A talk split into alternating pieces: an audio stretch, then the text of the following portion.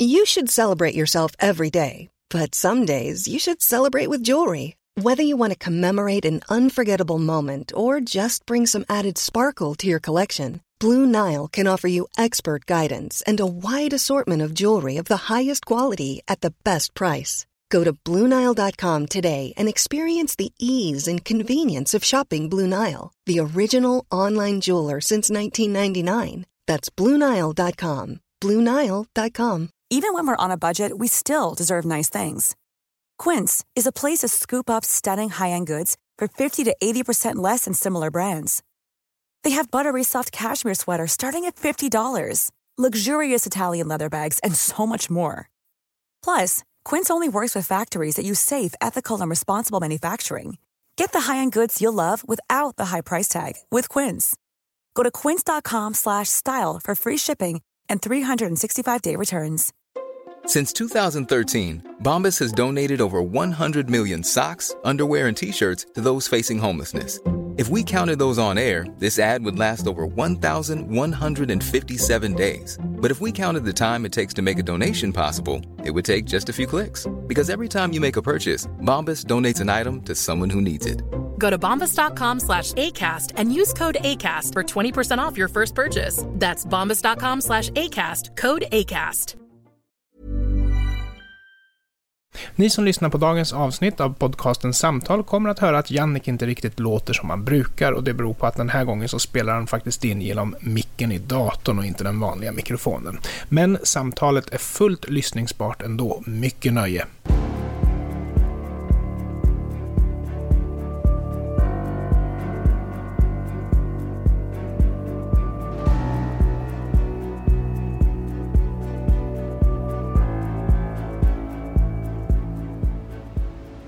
Du lyssnar på podcasten Samtal, en podcast med fokus på fria samtal. Jag heter Jannik Svensson och jag vill bjuda in dig till vår samtalsgrupp på Facebook. Länk till den hittar du på hemsidan www.samtal.ax. Jag blir också superglad om du vill vara med och hjälpa att stödja det här projektet. Det kan du göra på www.patreon.com samtal eller genom att swisha mig på nummer 070-3522 472. Länkar och nummer hittar du på hemsidan www.samtal.ax. Jag släpper nya samtal varje onsdag året runt och tar tacksamt emot tips ifall det finns någon du vill höra i podden.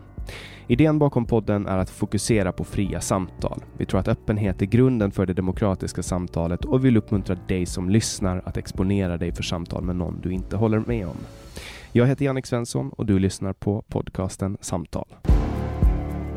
Mikael Wilgert är namnet bakom SvebTV, kanalen med över 65 000 prenumeranter som nyligen togs ner från Youtube. Han kommer från Stockholm och är civilingenjör i teknisk fysik. Välkommen hit, Mikael. Tackar.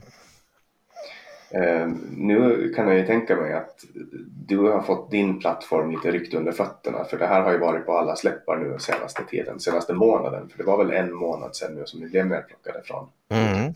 Ja, dagen före julafton så det stämmer, stämmer bra det. Och hur, hur, hur reagerade du när, när du fick reda på att ni hade blivit nedplockade? Ja, jag, jag ska säga att jag kände, jag kände inget speciellt nästan. Jag ska inte säga att jag kände en lättnad men det här var någonting som var så, så väntat. Eh, så att det var som att någonting hände som vi bara visste skulle hända och det kändes ju naturligtvis väldigt tråkigt därför att vi inte visste hur vi skulle gå vidare riktigt. Men samtidigt det som ändå gjorde att det kändes hanterbart det var att vi hade precis fått upp vår nya egna plattform. Så att vi hade börjat ladda upp program. Vi hade eh, laddat upp alla program från det senaste halvåret på swebtv.se och eh, Eh, det var i en testfas fortfarande men det såg ut att funka rätt bra. Så det var, jag tror att det var det som gjorde att eh, det inte kändes så enormt jobbigt. Och sen en liten rolig detalj i det sammanhanget var att nästan exakt samtidigt som jag sen förstod att plattformen hade, eller Youtube hade stängt ner SvebTVs eh, Youtube-kanal eh, så hade vi ett samtal, eller jag hade ett samtal med en kvinna som ringde in och, och sa hur rörd hon var när hon kom i kontakt med SvebTV. Hon sa det var som att möta Jesus. Och, och jag sa, eh, då visste jag inte att, att eh, kanalen var borttagen. Eh, men jag sa, ja men vad fint, du kommer ha massvis av fina program här nu i jul, för vi hade precis laddat upp massa spännande program.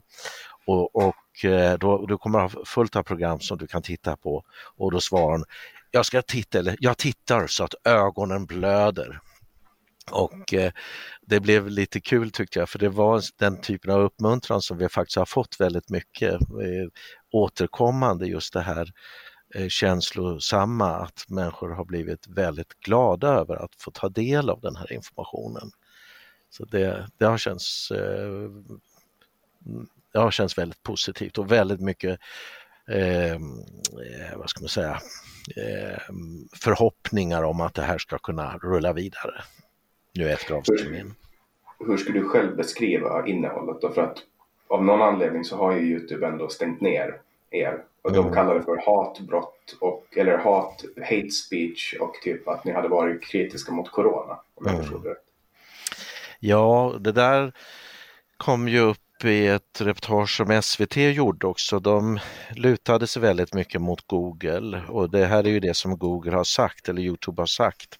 Men det är, det, jag skulle säga att det är helt osant faktiskt. Det, eh, de skulle aldrig kunna eh, hävda det om, om det vore en process.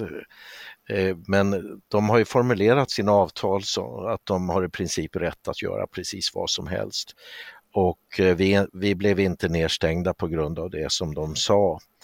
Eh, de, de programmen som, de, som finns, de, eh, de ligger på vår egen sajt.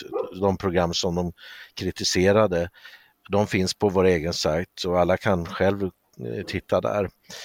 Och ehm, det är klart att det stämmer ju på det viset att vi har diskuterat kring coronan, vi har diskuterat kring vaccinerna, men jag tror inte att det är någon som på allvar har kunnat påvisa att, eh, att det finns några sakfel eller några allvarliga sakfel. Det är klart att en sån sån komplicerad sak som när det gäller corona och smittan så kan det alltid dyka upp fel. Men att det skulle vara något slags tema eller så, det, det är absolut inte sant. Och när det gäller eh, det här med att man skulle ha sagt saker om eller mot eh, några vissa invandrargrupper och så. Det är klart att, att man kan ju inte diskutera gymnasielagen och dess konsekvenser utan att det uppfattas som att man är kritisk. Men eh, vi har ju, eh, skulle jag säga, genomgående rik riktat vår kritik inte mot enskilda personer eller eh, några vissa grupper utan vi har riktat vår kritik genomgående mot makthavarna som ställer till så mycket problem i Sverige idag. Eh, och där är ju Google och, och Youtube är ju väldigt inblandade i det här. Eh, eh, så att när, när vi kommer med vår kritik mot klimataktivismen eller vår kritik eh, mot eh, eh, att man inte får diskutera kring vacciner och corona så då, då ifrågasätter vi väldigt starka ekonomiska intressen och eh, det är samma ekonomiska intressen som också ligger bakom Youtube och Google. Så att eh, vår åsikt är i varje fall att eh, det, det, är det det här handlar om. Att de, de gillar inte att vi ifrågasätter eh, de här ägarna eh, till de jättelika eh, multinationella bolagen som håller på med de här sakerna och som också har fått ett sånt enormt inflytande över politiken i Sverige och över medierna i Sverige. Det... Vad är det för, för ägare då? Ja, det, eh, det är, eh, vi, vi pekar nog inte ut någon speciell ägare men vi kan ju konstatera att eh, eh det finns en, en grupp bolag som är enormt inflytelserika och som har fått ett, en börsvärdering som eh, överträffar allt man tidigare har känt till om skulle jag nog eh, våga påstå. Eh, och det är ju nätjättarna är ju, eh, eh är ju mm, eh, de har stått i fokus för mycket av den här kritiken men det kopplar ju också till till internationella, det vi, vi, brukar kalla det för internationella finansintressen som eh, tjänar oerhört stora pengar på det som just nu händer i, i spåren av corona. Eh, det är tusentals miljarder, många tusen miljarder som eh, ges ut i form av stödpaket och som satsas i klimatsatsningar. Och även eh, vaccineringen, vaccinationerna som man förbereder nu, det handlar också om den typen av belopp.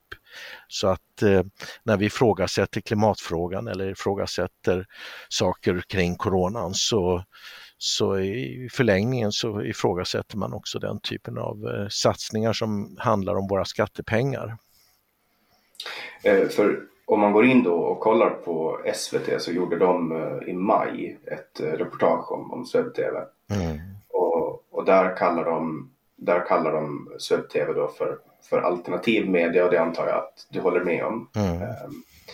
Um, sen skriver man i, efter ingressen då Palme blev inte mördad, han fick HIV. Det är budskapet i SvebTVs mest tittade videoklipp på Youtube med över en kvarts miljon visningar. Mm är det här någonting som har förts fram uh, att han fick HIV eller är det någonting som de har vinklat?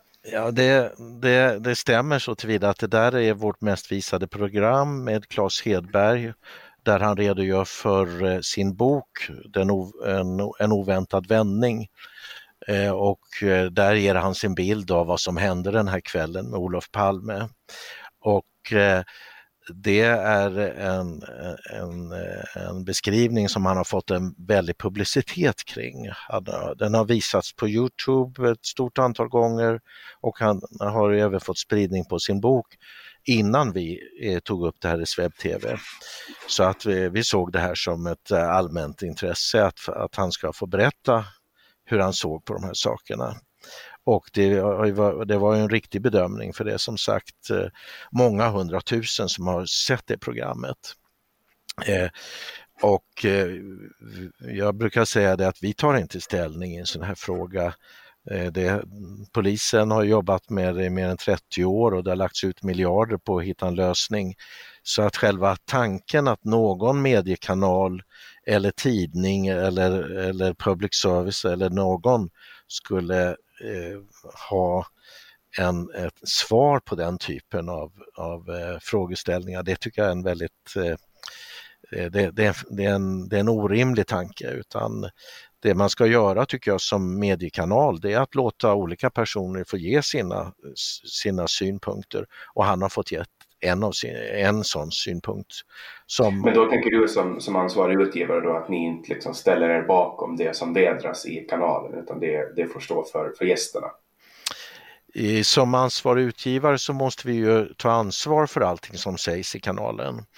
Eh, men däremot så i sådana här olösta frågeställningar där, eh, där skulle vi inte vilja ta ställning, absolut inte. Och det har ju varit flera sådana flera sådana program. Vi hade ju även Estonia där eh, eh Stefan Torssell lyfte fram frågeställningar och, och mm, eh, det kom väl fram där att det måste finnas ett hål i den här båten, annars skulle den inte kunna sjunka på det här sättet. Och då finns det ju de som kallar det här för att det är konspirationsteorier. Eh, och det kanske det är, det vet jag inte, men eh, nu har det ju visat sig att det fanns ett hål i båten. Så att eh, det som han förde fram och som vi, skulle jag säga, tyckte lät väldigt rimligt. Vi hade ju även med experter i fartygskonstruktion som gav sin syn på de här frågorna då och det har han även gjort senare, Ulf eh, Anders Ulvarsson. Eh, så att Eh, men det här hade ni alltså med före Henrik Evertsson släppte sin dokumentär? Ja, det är precis. Vi har ju haft flera program som har handlat om Estonia och det har varit ett återkommande tema att det måste finnas ett hål i båten. Eh, och det var som sagt det långt innan eh, det kom fram sen att det faktiskt fanns ett hål i båten. Men i det fallet, vi vill ju inte ta ställning och säga att det finns ett hål, men däremot så, eh, så tyckte vi att det, det lät som väldigt rimliga påståenden. Skulle vi tycka att det var påståenden som var helt orimliga, då skulle vi naturligtvis inte släppa fram det. Mm. Och du är ju civilingenjör i teknisk fysik så det, det är väl ändå någonting som, som jag kan tänka mig att intressera dig på ett personligt plan? Ja, jag kan väl tycka att eh, det fanns eh, i varje fall tillräckligt med information för att eh, den, skulle kunna publiceras och vara intressant. Men om du sa att, att det kan vara en konspirationsteori och det kanske inte är en konspirationsteori. Hur känner du i allmänhet med att, att folk som, som har då sin konspirationsteori, att de, att de deltar i ett webb-tv-program. Känns det ändå relevant även om du vet att men det här är helt orimligt? Du vet någon som kanske påstår att det finns rymdödlor som styr Vatikanen eller något sånt. Nej, vi har aldrig tagit med eh, sådana saker. Det, det är inte intressant utan eh, det är ju som eh, Karl-Olof Arnsberg, professor i etnologi, sa vid något tillfälle, och jag tycker det är tänkvärt. Han sa det att allt är en konspiration. Och med det menar han att, att det som händer i ett samhälle det, det, det, händer, det, kan bara hända om det är tillräckligt många som har samma eh, drivkrafter eller samma mål. Så att eh, konspirera, att eh, det är ju, skulle jag gissa, har betydelsen av att man andas tillsammans eller att man drivs av samma anda. Och det skulle jag säga är det som får saker och ting att hända i samhället. Och Stefan Torssell han uttryckte det på ett ganska bra sätt också. Han sa att om det finns tillräckligt många som flockas runt en so sockerbit, då det, det, räcker med, med det att det är tillräckligt många som har samma intresse, då händer saker. Och eh, det är nog eh, väldigt mycket av det som, som vi diskuterar är sådana här skeenden som man inte riktigt kan förstå varför de händer men eh, vi, kan, vi, vi kan se att de händer och då kan man ofta se att det finns väldigt många samfällda intressen och sen kan man kalla det för konspiration och man kan kalla den som lyfter fram det för konspirationsteoretiker men det tillför egentligen ingenting. Jag tycker det, det är ett uttryck man ska försöka undvika och eh, ofta de som pratar om att det är konspirationsteorier de vill egentligen inte gå in och diskutera sakfrågorna.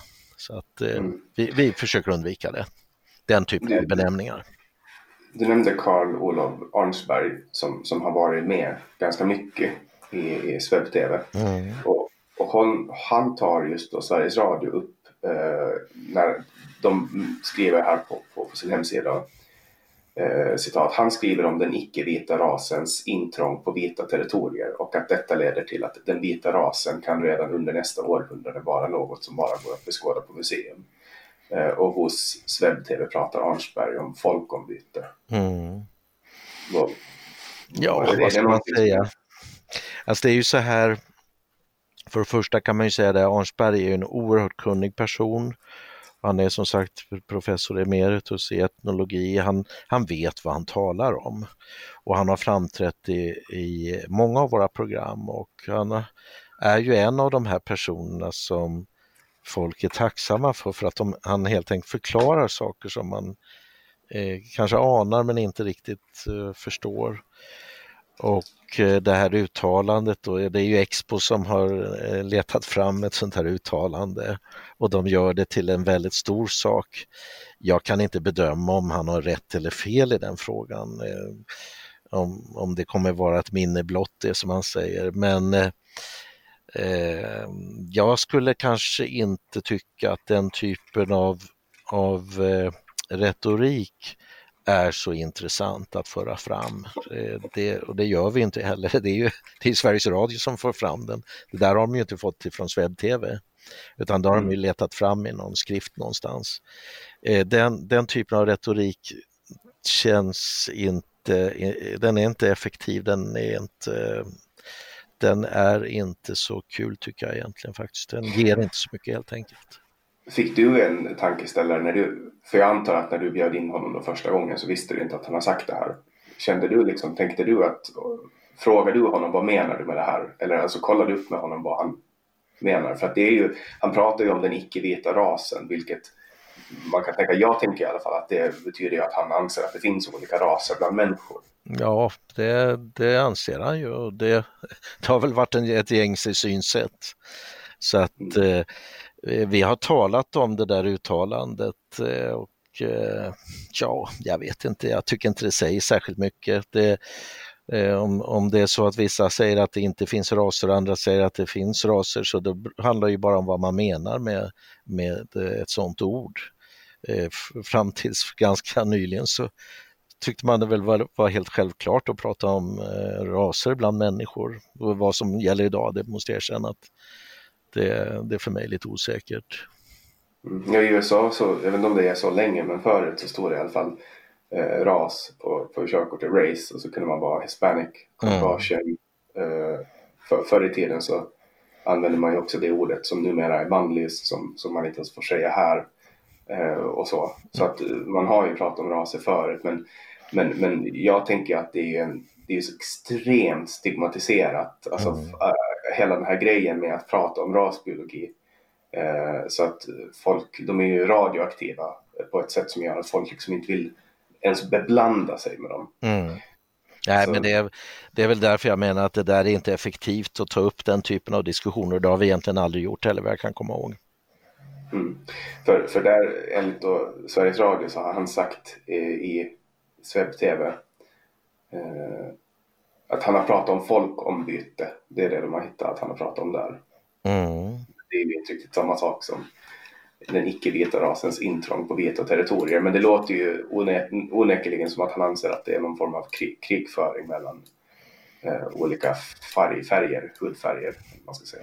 Jag skulle inte nödvändigtvis tolka det så utan det där är väl kanske en ganska eh, relevant beskrivning av saker och ting som pågår. Men som sagt, eh, det är, inte, det är inte en diskussion som är så meningsfull.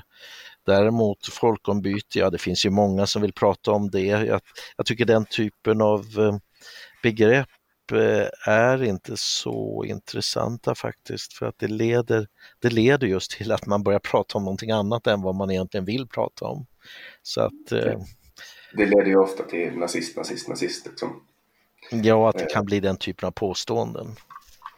Ja, det är ju det som det är ju det hela samhällsdebatten utgår ifrån. Jag tänker nu när, när Ulf Kristersson sa att han var beredd på att eh, ta stöd av Sverigedemokraterna för att skapa en regering tillsammans med KD, då blev han direkt nazist. Ja, och jag tror det var väl Per Bolund som började prata om att, att han kunde inte hitta en tvål som var tillräckligt effektiv för att tvätta bort någonting. Och det, det, det där är ett väldigt Alltså det är det som är nästan den, o, vad ska man säga, det som väcker mest obehag med de här sakerna tycker jag är inte sådana här påståenden som faktiskt ofta har en ganska stor relevans utan det som väcker obehag är ju att de här människorna som för fram sådana här saker och då, då tänker jag kanske på Expo till exempel och representanter där, de pratar så föraktfullt om andra personer. Eh, och när Bolund då pratar om, om eh, Jimmy Åkesson får man väl anta, så är det så oerhört föraktfullt.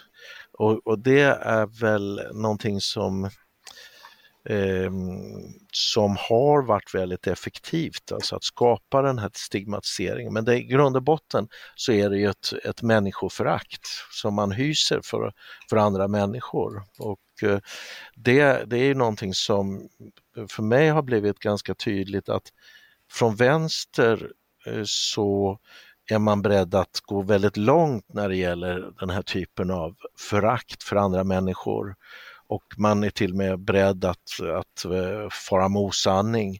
Medan från de konservativa så, så är min bild är att där eh, har man faktiskt, eh, man vill inte använda den typen av retorik. Vi har ju sällan eh, Jimmy Åkesson prata om, om personer på vänsterkanten i den typ, med den typen av retorik. Alltså det riktar sig bara åt ett håll. Så att eh, det, är en väldigt tråkig sida. Ja, kollar man på till exempel Dagens Nyheters artikel eh, som de skrev om er när ni blev borttagna. Då skrev de rubrik då högerextrem kanal borta från Youtube. Mm. Och sen i ingressen så skrev kanalens webb-tv som beskrivs som högerextrem av stiftelsen Expo är borta från Youtube. Mm. Eh, och då är, det ju, då är det ju Expo som beskriver kanalen som, som högerextrem. Men eh, DN liksom skriver under det genom att ha det i rubriken. Mm. Vad tänker du om det? Är ni en högerextrem?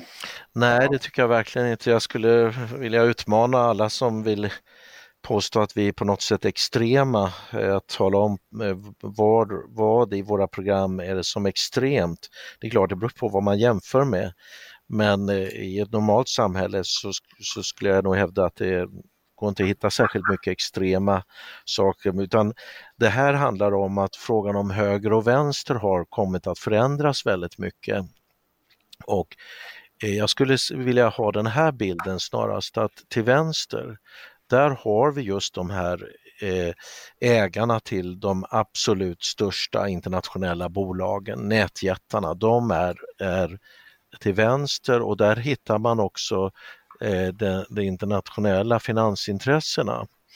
Och de eh, har genom sina medier och genom att de har ett stort inflytande bland politiker på vänstersidan så, så för de fram sin agenda. Och det här har lett till att på, till höger, där hittar man en folkrörelse som reagerar på det här. Så att eh, det, det som vi har när det gäller webb-tv det är en, en folkrörelse i vardande som reagerar på att, att eh, de eh, blir den, eh, att vi har fått en vänster som försöker ta ifrån dem det som som är deras. Och det, då pratar vi ekonomi men vi, vi pratar också inflytande. Och därför så eh, Eh, det, för sen finns ju de då som kallar sig för vänster och som är någon slags gammaldags vänster och kanske tänker solidaritet och så vidare. Och de, det finns väl kvar en och annan sån där också. Men eh, om man tittar på vad som är det bärande budskapet på vänstersidan så är det eh, sådana här saker som klimatfrågan som eh, kostar skattebetalarna hundratals miljarder sannolikt. Eh, och vi har massmigrationen som också kostar enorma summor och som har spelat just de här internationella finansintressen och, och eh, storbolagen i händerna eh, genom att vi har höjt vår belåning i Sverige med många tusen miljarder kopplade just till de här förändringarna. Så att till vänster, där handlar det om att spendera skattebetalarnas pengar på saker och ting som allt mindre är till, till gang för skattebetalarna. Det var ju skillnad på när Sverige byggdes upp under 50 och 60-talet och, och 70-talet då man byggde kärnkraftverk och man byggde bostäder och annat. Idag när man ska satsa pengarna i koldioxidåtgärder och annat, det kommer aldrig vara till någon som helst nytta för skattebetalarna utan det är bara till nytta för de här bolagen som, som får ordrar på de här eh, affärerna och det är till nytta för de bankerna som står där och ska låna ut hundratals och tusentals miljarder till de här sakerna. Så att, Men du tänker att det här är på något sätt koordinerat?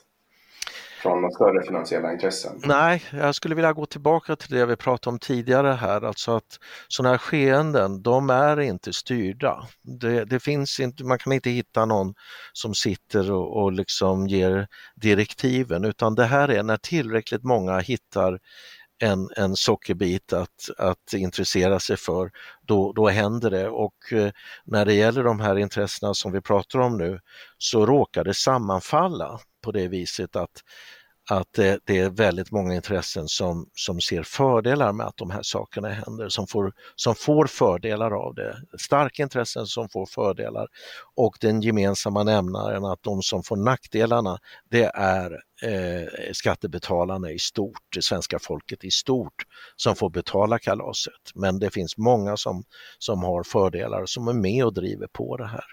Så, men det är inte koordinerat. Näringslivstoppar då, tänker du? Eller en kombination?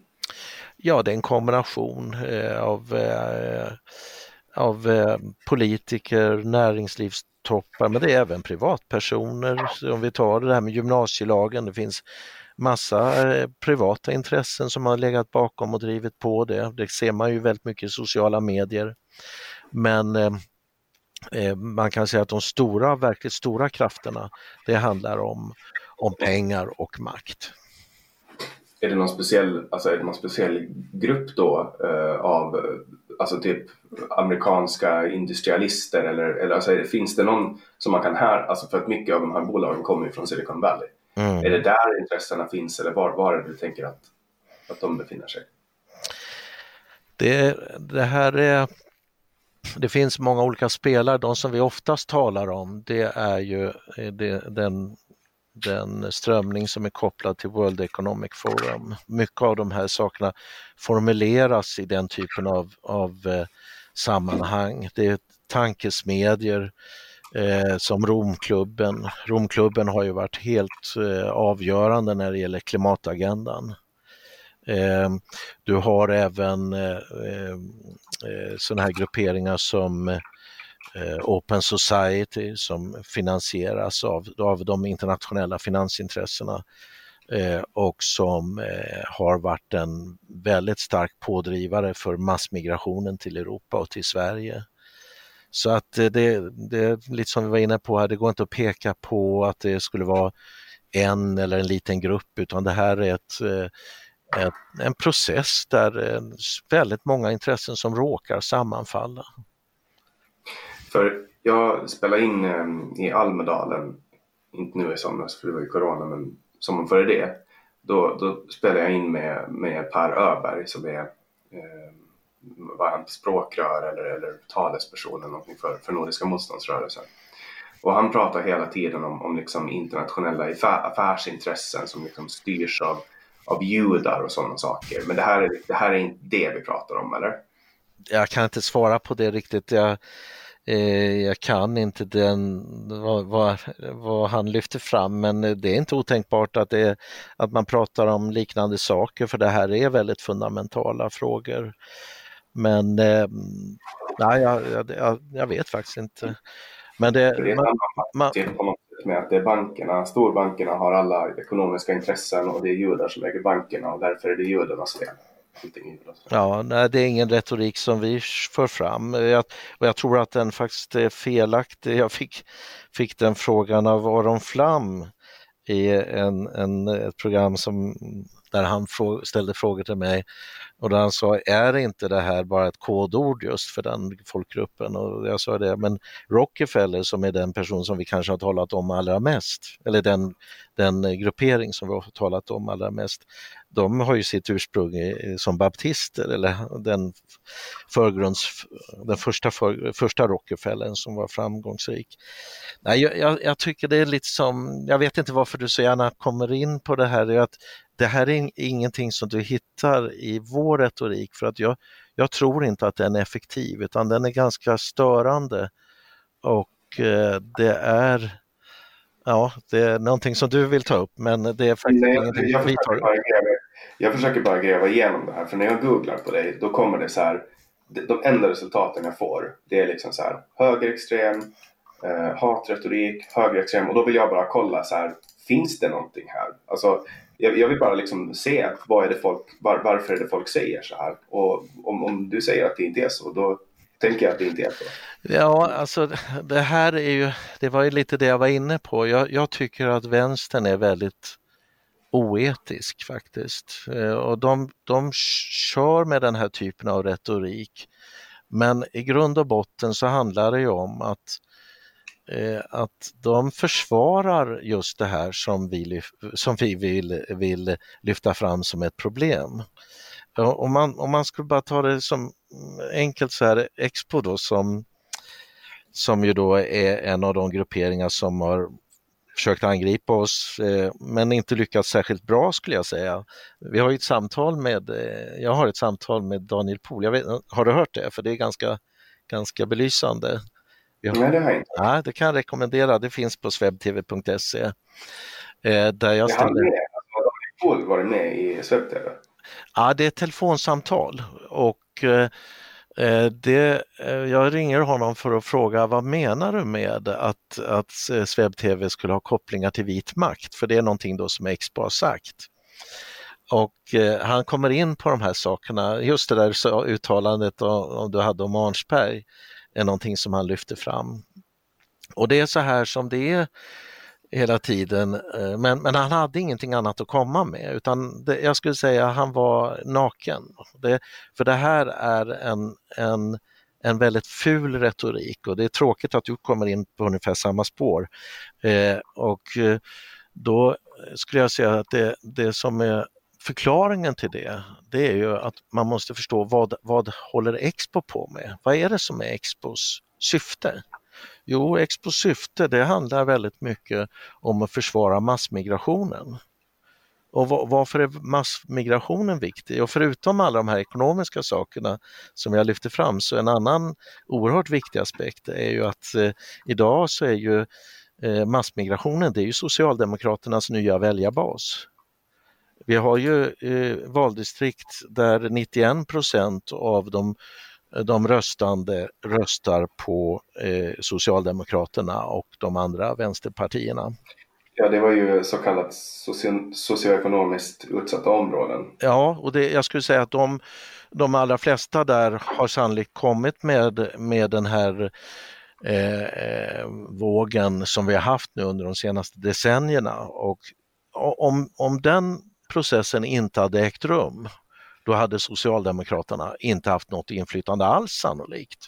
Utan det här har varit Socialdemokraternas sätt att sitta kvar vid makten. Eh, vi har ju en, en, en, författare som du säkert känner till väl, nämligen Vilhelm Moberg, som vi har kommit att citera flera gånger, för han sa ju det under andra världskriget när Tyskland hotade Sverige. Eh, då, nej, det sa han inte då, förlåt. Det, då skrev han Svensk strävan som vi också har refererat till. Men han sa vid något tillfälle att Socialdemokraterna, det är ett idéparti. De har två idéer. Den ena idén är att ta makten, den andra idén är att behålla makten. Och nu har Socialdemokraterna tagit makten under eh, mer än ett halvt, decennium, eh, halv, halvt sekel. Och nu gäller det för dem att behålla makten och då har den här eh, eh, införseln av den nya väljarbasen, den har blivit helt central. Och där är Expo eh, en nyckel i att försvara den verksamheten. Så att eh, orsaken till att de håller på och försöker prata väldigt negativt om, om SvebTV och annat, det är ju helt enkelt bara för att vi avslöjar de här sambanden och vi har avslöjat hur Socialdemokraterna har skrivit avtal med Muslimska brödraskapet om att lyfta in dem i riksdagen och, och i, i kommunerna mot att de får eh, väljare. Så den typen av kohandel. Och det här är någonting som eh, Socialdemokraterna har satt i system och där är Expo en av nycklarna att upprätthålla det. Eh, så när de kommer med sina påståenden så bygger inte det på att, att de är allvarligt upprörda eller, eller så skulle jag tro, utan det här handlar bara om att försvara, det är en retorik för att försvara eh, den nya väljarbasen och se till att den blir ännu större. För att mm. eh, Socialdemokraterna har ju i stort sett, de kallar sig ju arbetar, arbetarparti, men det är ju en benämning som inte är relevant längre överhuvudtaget. Så att eh, alla de här påståendena som du tar upp och som du egentligen inte borde ta upp för att du borde eh, också, tycker jag, kontrollera, vi pratade om käll, källgranskning här, eh, finns det någon sanning i de här påståendena? Och det gör det inte, utan det här är en helt falsk retorik som, som vänstern ägnar sig åt och som DN med glädje eh, återkopplar. Och går man in i den artikeln i DN så jag för mig när jag tittade var 240 kommentarer och alla var samstämmiga. Det här är inte sant. Eller, jag ska inte säga att alla var det, men väldigt många var det. Eh, för jag, jag tänker ändå att det är bättre att jag lyfter upp det här därför att de som kommer att, de som kommer att lyssna på det här samtalet de kommer ju att googla dig. Och nu vet vi ju eh, vad som händer kring jul, att du är inte världens bästa kompis med Google. Men när man söker på dig mm. så har du ett namn som, som kommer att associeras med Eh, vissa nyckelord. Eh, och, och, därför tänker jag att det är bättre att ta upp det med dig och fråga om de här sakerna. För jag vet ju att Expo har en agenda och de har sin sak som de driver och public service har sin sak som de driver och du har säkerligen också din sak du driver. Jag har min sak jag driver. Eh, så till, alltså, kollar man till exempel på mig, eh, om man, om man eh, googlar på mig då får man upp så här, då föreslår den Jannik Svensson podd, sommarprat, Åland, droger, blogg, Flashback. Uh, och kollar man på mitt namn då får man upp liksom så här olika saker som jag har gjort. Uh, dumheter liksom. Jag skojade om droger en gång och, och så har ny, nyheterna skrivit om det. Och kollar man, kollar man upp dig så får man, ska vi se vad man får på Mikael Wilgert. Uh, Mikael Wilgert, Wikipedia, frimurare, Flashback, SD, bakgrund, Expos, webb-tv, blogg, AFS och Twitter. Så det är liksom sådana ord som folk söker. Och, och det ska vi ju inte, alltså, det, det, kan vi ju inte förneka att Google påverkar ju väldigt mycket av hur vi eh, upplever eh, folk och människor. Mm. Jag vet inte hur det blir om vi kollar på DuckDuckGo. Vi kan kolla och jämföra på Mikael Wilgert. Ja, här kommer, här kommer det helt andra, uh, helt andra saker. Det här, nu, nu ser jag, här är det ju också saker som är uh, helt bortplockade, alltså från, från Google. Typ. Mm. Det kommer källor som Julia Caesars blogg, skandinaviskfrihet.se, Ingrid och Maria, så det här är sånt som Google plockar bort för att de tycker att det inte är rimliga medier. Så att vi, vi jag, jag, försöker på inget sätt liksom göra det som, som eh, SVT har gjort. Men, men, du och jag har ju ändå två Nej, men jag, du, du får ursäkta, men jag reagerar väldigt negativt därför att det här är ju eh, den här, tycker jag då, väldigt oetiska retoriken som vänstern för och jag tycker inte att vi ska repetera den okritiskt. Och, eh, och det var ju samma i det här eh, rapportinslaget som Pontus Mattsson hade eh, så, för någon vecka sedan som väldigt många har sett i Rapport och det är kul för det är bara bra publicitet. Eh, och då så sa han att SvebTV har haft många hårda ord om invandrare och jag frågade honom vad var det där för hårda ord? För att eh, jag känner inte igen det. Det är klart att det säkert någon, någon eh, har sagt något hårt ord men det är ingenting som, eh, som SvebTV står för skulle jag säga utan vi riktar ju hela vårt fokus mot makthavarna. Det är det som, som det här handlar om.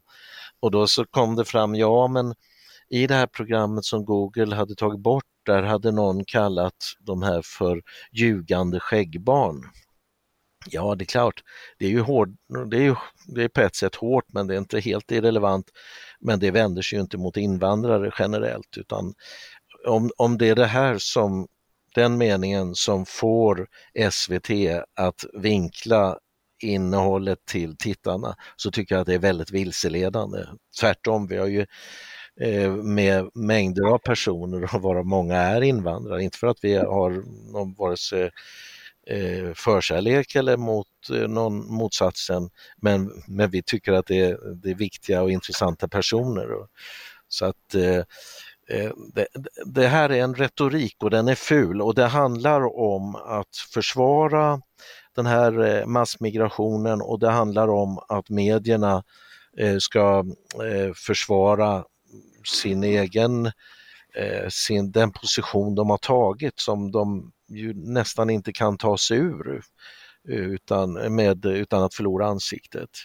Men, eh, och sen är det en konkurrenssituation där, där de inte vill släppa fram alternativa medier. Så att jag, jag tror att man ska se allt det här, alla de här Eh, påståenden, man ska se dem i det ljuset. Och, och det, det, är ju också typiskt det är ju att de kan ju aldrig förklara vad det är de menar. När man frågar dem så blir det alltid sådana svepande saker. Så det, det, är en ful retorik tycker jag. Mm. Och till skillnad från eh, till exempel SVT nu eller Sveriges Radio som gör korta korta inslag där de väljer att plocka ut citat så, så har ju du och jag två timmar där vi verkligen kan gå ner och, och kolla på, på vad är det här. För jag är nyfiken på vad det är som, som gör att, att folk gör så här. För som jag uppfattar det på dig så, så känner ju du att det här är ju, det är ju fullspel de kör. Ja, det, det, är det verkligen. Och sen eh, man ska tänka på det att, att det som jag sa, det, det som vi hela tiden möter, det är inte det här. Eh, eh det, det händer aldrig skulle jag säga att någon ringer och klagar på våra program. Det kanske har hänt en eller ett par gånger att någon har varit kritisk. Eh, utan det här är mediernas bild. Och, eh, men däremot så får vi väldigt mycket uppmuntran och uppbackning och det är ju också det som gör att, att vi håller på med det här väldigt mycket. Så att eh, det här eh, fulspelet från de andra medierna, det är ju också, alltså det är en konkurrenssituation och många av dem känner sig ju ja, jag skulle nog säga att de känner sig hotade av den här nya situationen där de gör sig själva irrelevanta. Det var faktiskt en sak som jag tog upp med, med Pontus Mattsson på SVT där jag sa att ni gör er ju själva helt irrelevanta när ni inte tar upp det här händelsen med SvebTV och Youtube.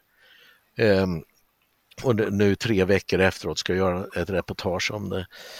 Eh, för våra tittare de undrar ju varför ni inte berättar om det och då sa de, men vi, vi är inte irrelevanta, vi har massvis av tittare. Vi har fyra och en halv miljoner tittare på julafton på Kalle Anka. Mm. Och eh, det, det, här det avspeglar ju liksom att, att eh, vi, vi håller på med väldigt olika saker. Mm. En sak som jag reagerar på eh, var eh, någonting som, som jag tycker att är ganska klandervärt eh, som Sveriges Radio gjorde i den här eh, gran, granskningen eller inslaget som de gjorde om er. Att de har en bild på dig ehm, och då, då, står det under och Mikael Wilgert driver Swebb-TV och syns i kanalen som programledare. Och under så har de ett citat. Swebb-TVs mm. grund om egna kanalen, citat liknar en Ding Ding Värld. Och då har de citerat Jan Sjunnesson som inte har någonting med kanalen att göra idag. Nej, precis. Nej, men det där är, alltså det är en väldigt sorglig historia. Och det, jag tror att de kommer vara tvungna att sluta med det där. Det, så där har de ju behandlat Jimmy Åkesson och Sverigedemokraterna, men de inser att, att det saknar trovärdighet. Och eh, jag tror att eh, de inser att det saknar trovärdighet, de tappar sin trovärdighet när de håller på med det där. Och det märktes ju också just det där eh, programmet Medierna som gjorde ett rent fruktansvärt dåligt program eh, om SvebTV. Eh, de gjorde ett nytt program om SvebTV här nu då i samband med avstängningen och det var ju faktiskt, där hade de ju en betydligt bättre rapportering. Eh, men där, där finns det också ett väldigt kul samtal att lyssna på för den som är intresserad, nämligen Josefin Freje då som gjorde programmet i medierna hon och jag har ett telefonsamtal innan det programmet där hon berättar hur hon har tänkt lägga upp det. Och det telefonsamtalet finns också på swebtv.se. Eh, det är väldigt kul att höra det, för, eh, höra det samtalet och sen höra hur det blev. För ingenting blev så som hon hade sagt att det skulle bli. Utan det som blev resultatet det var ju en smutskastning skulle jag säga. Mm. Ja, för det är hon som gjorde det här då. Eh, just den här grejen att de... För jag tänker så här, visst folk förstår, jag förstår att det är, det är ett jättefullt journalistiskt grepp att ta en bild och sen skriva SvebTVs grundare om egna kanalen, liknande Ding Ding Värld och så tar man ett citat som inte ens är ditt men får det att se ut som att det är ditt för att liksom undergräva din legitimitet. Eh, och det här är ju också en av de första grejerna som kommer när man söker på ditt namn. Ja. Eh, de har till och med liksom ryckt upp det så att det är i sidrubriken. Eh, och, ja, men nu känns det som, som att nu håller vi bara på att prata om sånt som är irrelevant. Eh, det här är ju ingenting av det som vi håller på med, utan det här är ju bara massa massa trams som andra lyfter fram. Jag menar, vi, borde ju, vi borde ju prata om vad vi håller på med på SvebTV och det är inte det här vi, vi flyttar in. Det är det, som, det är det jag gillar med det här formatet så mycket. Uh, att, att vi har liksom två timmar. Att vi hinner uh, avhandla saker.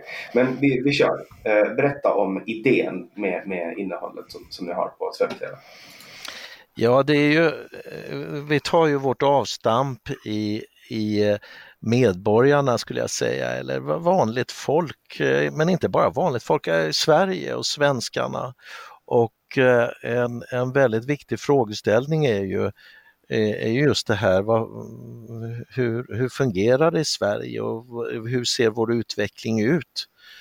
Och då styrs ju den väldigt mycket av de här sakerna som vi har pratat om och vi har fokuserat på några få områden. Ehm, Eh, så att det som har varit vårt fokus, det har faktiskt blivit klimatfrågan, eh, det är massmigrationen, och det är, eh, sen har ju frågeställningar kring corona har blivit väldigt viktiga. Vi har haft mängder med program, säkert 50 program som har handlat om corona i olika aspekter.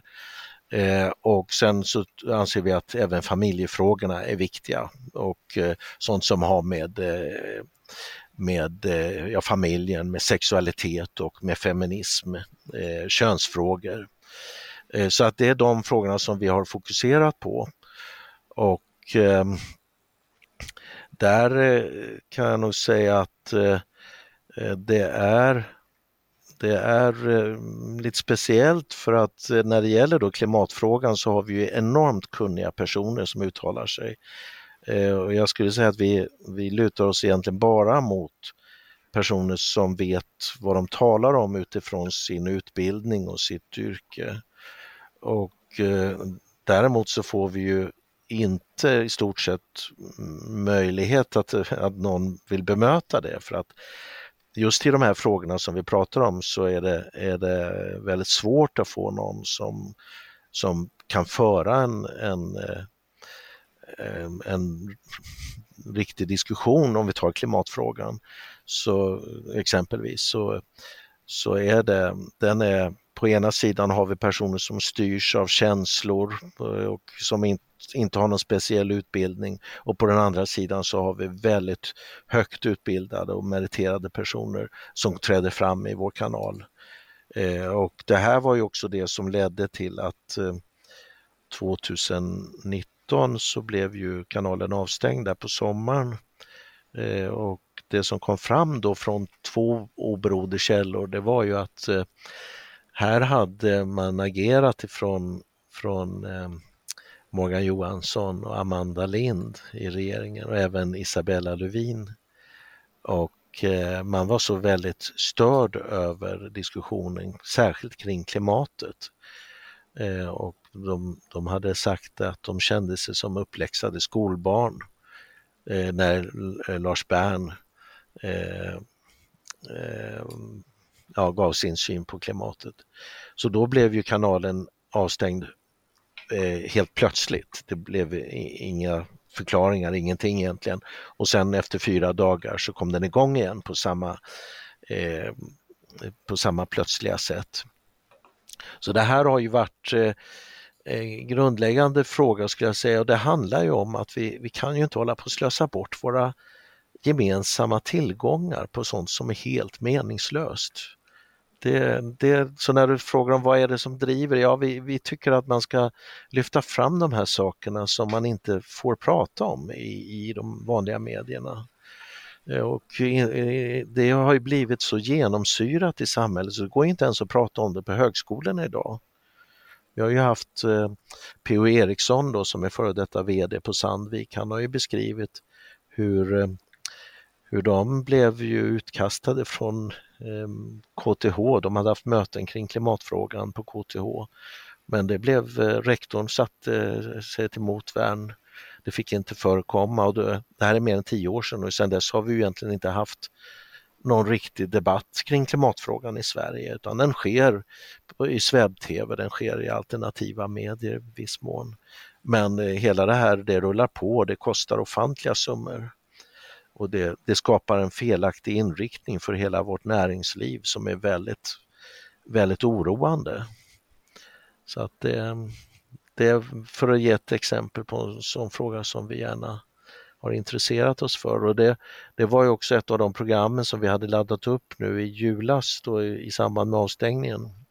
Så var det just att P.O. Eriksson, då före detta vdn i Sandvik och som också har suttit med i styrelsen för ett antal eh, viktiga bolag då som är kopplad till eh, SSAB Eh, så kritiserade vi de planer som man har inom LKAB och SSAB kopplat till klimatet som kommer kosta skattebetalarna ofantliga summor om de genomförs. Det får vi hoppas att de inte gör.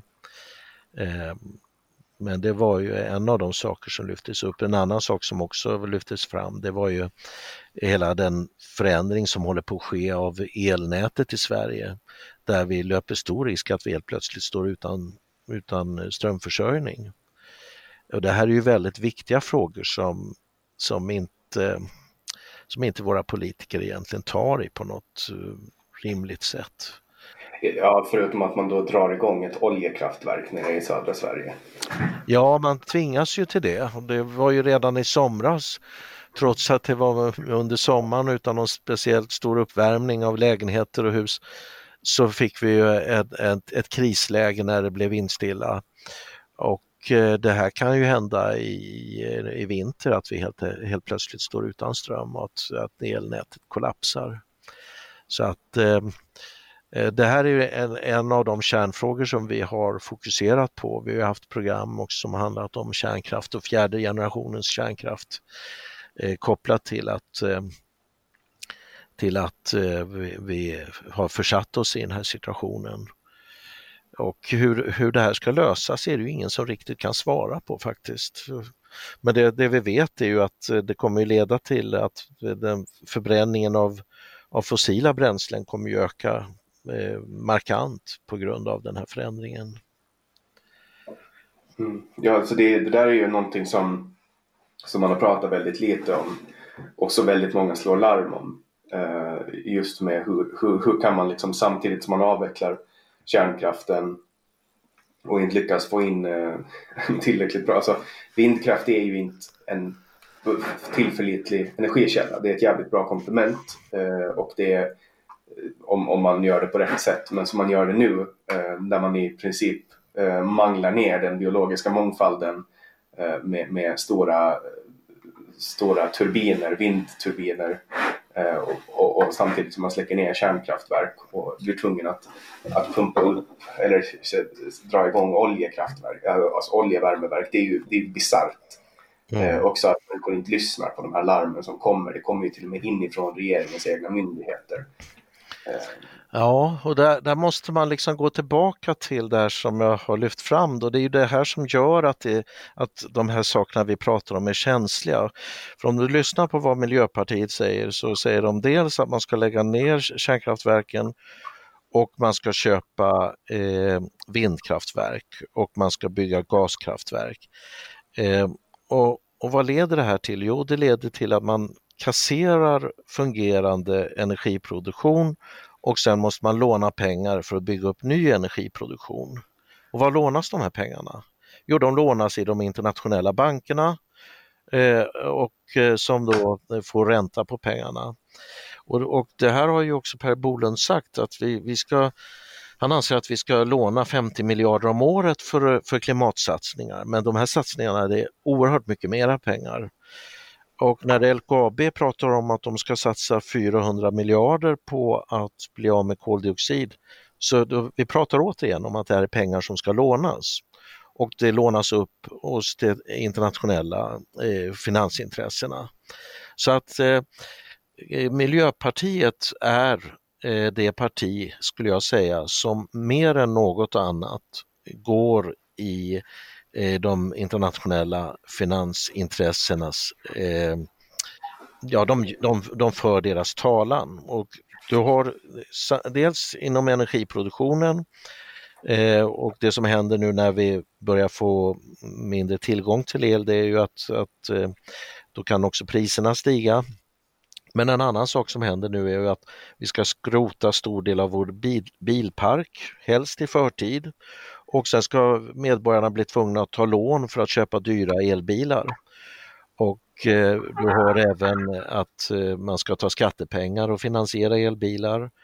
Eh, så att alla de här sakerna tillsammans är en enormt stor penningrullning och det, det, allting har ett och samma Eh, det finns en gemensam nämnare och det är att det är skattepengar, skattebetalarna som på ett eller annat sätt betalar det här och det är eh, internationella finansintressen som i slutänden kan låna ut väldigt mycket pengar. Vad tror du det är som gör att, att ett parti som ändå har så pass lite röster, det vill säga Miljöpartiet har de 5,2 procent av rösterna, att de, att de har så mycket att säga till om i agendasättande i svensk politik? Ja, det är väldigt mm, intressant att det är så. Och eh, jag tror att det en viktig förklaring är ju det här att, som vi var inne på tidigare, att Socialdemokraterna vill ju till varje pris ha makten och då behöver man några partier som stöder. Men även Moderaterna i Stockholm har ju tagit makten med hjälp av, av Miljöpartiet. Eh, jag har väldigt svårt att förstå att det blir på det sättet men det är samtidigt så att eh, om de här intressena som vi pratar om, det är ju någonting som delas av, av de andra partierna också så att det, mm, ja, det är väldigt konstigt och det är konstigt att inte, att inte väljarna reagerar mera på att det blir så här. Vilket parti eh, företräder den politik som du känner att, att borde driva Sverige eller finns det en partiet ens i Sverige idag? Nej, ja, jag kan inte svara på det riktigt faktiskt. Jag, jag, jag skulle vilja att, att, inte peka ut något speciellt parti. Det, det är också så att vi säger att vi är partipolitiskt obundna och jag tror det är en väldigt viktig sak att inte så att säga företräda något visst parti därför att eh, alla partier behöver granskas. Men det är klart att om vi pratar massmigrationen som ju är en enorm kostnad, en nästan ofattbar stor kostnad, eh, så är det ju klart att det är ju, det är ju ett litet antal partier som, som eh, agerar i den frågan. Eh, men jag skulle nog säga att mycket av det som, som vi för fram, där ligger vi nog lite före de politiska partierna. Jag tror att många av de här frågorna kommer att plockas upp. Vi kommer att se politiska partier som börjar ifrågasätta klimatfrågan.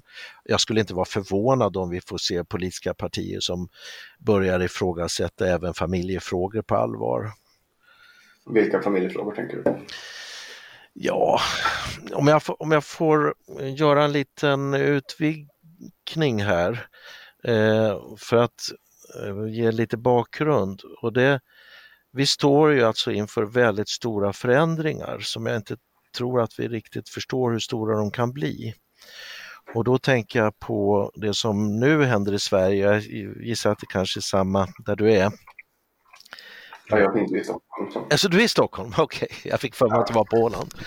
Ja, men jag, jag, jag kommer från Åland och så, men, men jag, jag bor i Stockholm. Ja, eh, och då, då, är det, då vet du det att väldigt många idag jobbar ju hemifrån. Eh, och det är till och med så inom myndigheterna, man får inte gå till sitt jobb om det inte är absolut nödvändigt. Så vi har skickat hem en väldigt stor del av arbetskraften i Sverige och då pratar vi inte om, eh, om industriarbetare eller personer som står vid löpande band utan där är personer som jobbar med tjänsteproduktion. Eh, och eh, eh de sitter hemma vid sina datorer och eh, eh, tycker kanske att det känns skönt på sitt sätt. Men det som händer då det är att man får väldigt väl definierade eh, kommunikationsvägar, man får väldigt väl definierade sätt att arbeta. Och eh, när, när man väl har beskrivit eh, arbetsuppgifterna eh, tillräckligt noga, då kommer de också vara lättare att flytta på och sätta i händerna på andra människor. Så att det här är ju en, en, en strävan som har beskrivits i, i World Economic Forum. Jag vet inte om, känner du till The Great Reset? Eh, jag har hört, jag har hört om det men det, det jag har, bilden jag har av det är att det är någon form av konspirationsteori. Ja, men det är det, det, är det verkligen inte. Eh, det, eller ja, det beror på vad du menar med konspirationsteori men det här är någonting som är beskrivet av, av World Economic Forums ledare Klaus Schwab.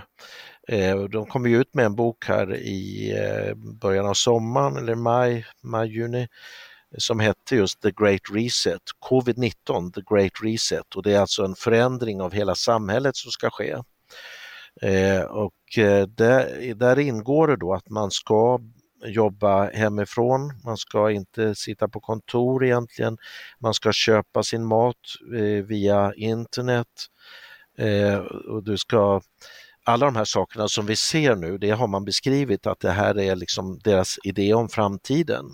Och jag säger inte mm. att de har fel, jag tror faktiskt att, de, att, det, att det kan vara åt det här hållet vi går. Och det ligger inom... Jag hittar var jag har fått den här konspirationsteorin. Det har kopplats en konspirationsteori till. Det står A conspiracy theory has spread in response claiming that it will be used to bring a supposed new world order. Och det är någon så här stor konspirationsteori om ödlemänniskor och George Bush som avrättar spädbarn och sånt. Så det, det, det, har kopplats till, men jag ser här att Great Reset är is a proposal by the World Economic Forum. Ja, du halkar in på sådana här sidospår faktiskt om jag får säga det. För att vi, om vi bara håller oss till, till fakta så, så är det så att eh, The Great Reset det är alltså en, en, en en idé och en skrift som har tagits fram inom World Economic Forum och den beskriver det här som jag säger. Sen eh, om folk kallar det för ena eller andra, det har inte med saken att göra för det här är det, här är det som, som faktiskt sker. Och eh, då, då är det så att eh, när man nu börjar jobba hemifrån då, då, då blir det väldigt mycket lättare att flytta arbetena. Och det här är väl kanske mera mina tankegångar men jag, eh, jag skulle inte vara förvånad om det är så att vi har haft en, en konkurrensutsättning av produktionen i, i hela västvärlden där stor del av produktionen har flyttat till Kina och till Asien och, och nu börjar den kanske i viss mån komma tillbaka och stor del av produktionen har hamnat i, i Baltikum, alltså alla länder där man kan producera till lägre kostnad. Eh, och det det, det man inte har kunnat flytta i särskilt stor utsträckning och konkurrensutsätta det är just tjänsterna. Eh, inte på samma sätt i varje fall, det har varit en konkurrensutsättning av det också.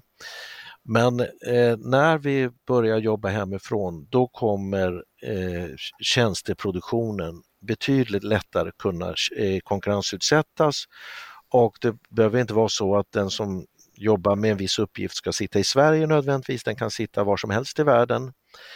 Eh, och eh, eh, man kan eh, eh, Ja, så att det, det, det är en sak som sannolikt kommer att ske i spåren av det här. Det kan ta... Flyttar till något billigare land där det är billigt att leva och sitter och jobbar och tjänar mycket pengar som konsult. Ja, det, hur mycket man tjänar det, det får vi nog se men, men det kan dels hända att svenskar i högre utsträckning kan sitta i Thailand. Det sker ju redan nu att människor som, har, som ska sitta i kundtjänst på nattetid kan sitta i en tidszon där, där det är dag medan vi har natt. Men eh, det som kan hända är då att, att människor flyttar ut till andra delar av världen för att, för att leva billigare. Eh, men det kan också vara så att bara jobbet flyttar ut och eh, utförs av andra personer som gör samma jobb till en lägre kostnad. Så att det här eh, är sannolikt eh, en, en, en stor del av alla människor idag som sitter i Sverige och som jobbar hemifrån kan i, inom kanske några år eller så uppleva att, att deras arbeten blir konkurrensutsatta på det sättet. Och det här är ett första steg. Ett nästa steg och det här är väl kanske mera eh, mina egna eh, tankar kring det, men jag, jag, tror inte de är helt fel. Och det är att eh, det här passar också väldigt väl med införandet av artificiell intelligens. Eh, för att har man väl definierat arbetsuppgifterna då blir det väldigt mycket lättare att införa artificiell intelligens som också tar över arbetet. arbetet. Och när man börjar fundera så här, då, då måste man ställa sig frågan vad ska vi jobba med i framtiden? Eh, om vi inte ska producera för att det produceras av maskiner, vi har eh, automatisk produktion av väldigt mycket varor, vi har, och det som inte produceras automatiskt det produceras kanske i länder där det fortfarande är lite billigare att göra det. Och eh, producerar vi även tjänsterna i länder där det är billigare att göra det eller att det börjar produceras av maskiner, vad ska vi då som vanliga medborgare jobba med? Och det tror jag är en av de stora frågorna vi behöver ställa oss. Vi har ett par program som handlar om det. Ehm, ehm, men jag tycker inte att vi har något svar på det, men det man kan kanske ana är ju också att eh, det, att det här samhället som vi byggde upp kring produktionen när vi fick eh, att kvinnorna gick ut i arbete, för det var ju väldigt mycket drivet av att man ville ha arbetskraft. Eh, när den arbetskraften inte längre behövs, då kommer vi att behöva anpassa oss på något sätt. Och hur den anpassningen kommer att se ut, det, det, tror jag inte att vi vet ännu riktigt, men det är en av de frågorna som, som jag tycker är allra viktigast att diskutera.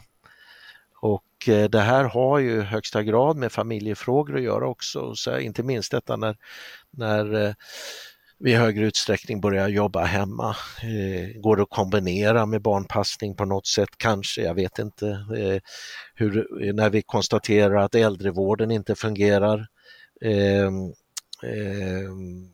kommer vi eh, vilja ta ett större ansvar för både barnen och de gamla?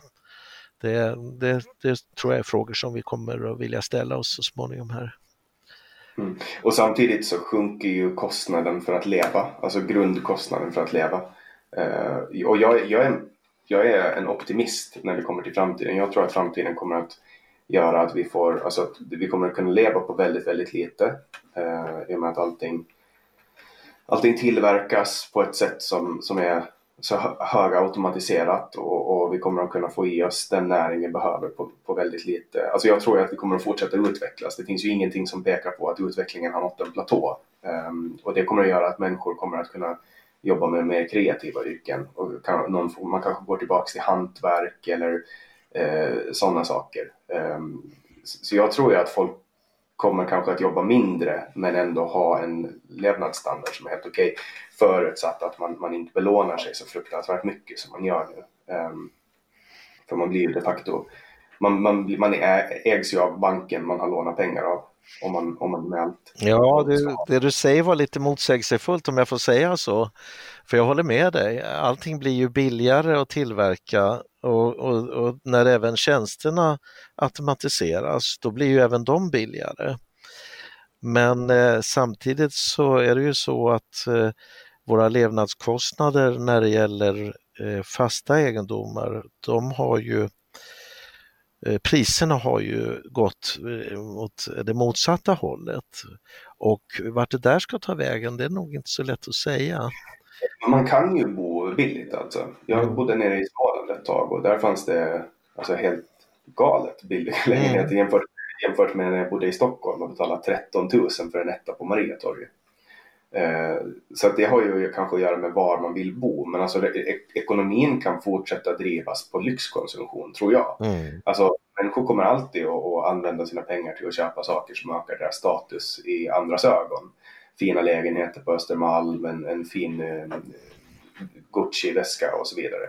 Eh, så att, men jag tror att ekonomin kommer att bli mer driven mot just lyxkonsumtion och det är ju lyxkonsumtion som vi kan tacka för att ekonomin växer eh, till, till en viss del i alla fall. Ja, Ja, det där är spännande om det blir så. Det, det finns nog flera scenarier egentligen och eh, problemet är ju det att om, om vi får en allt mer automatiserad produktion av allting som behövs, då uppstår ju frågan varför ska någon betala oss någonting?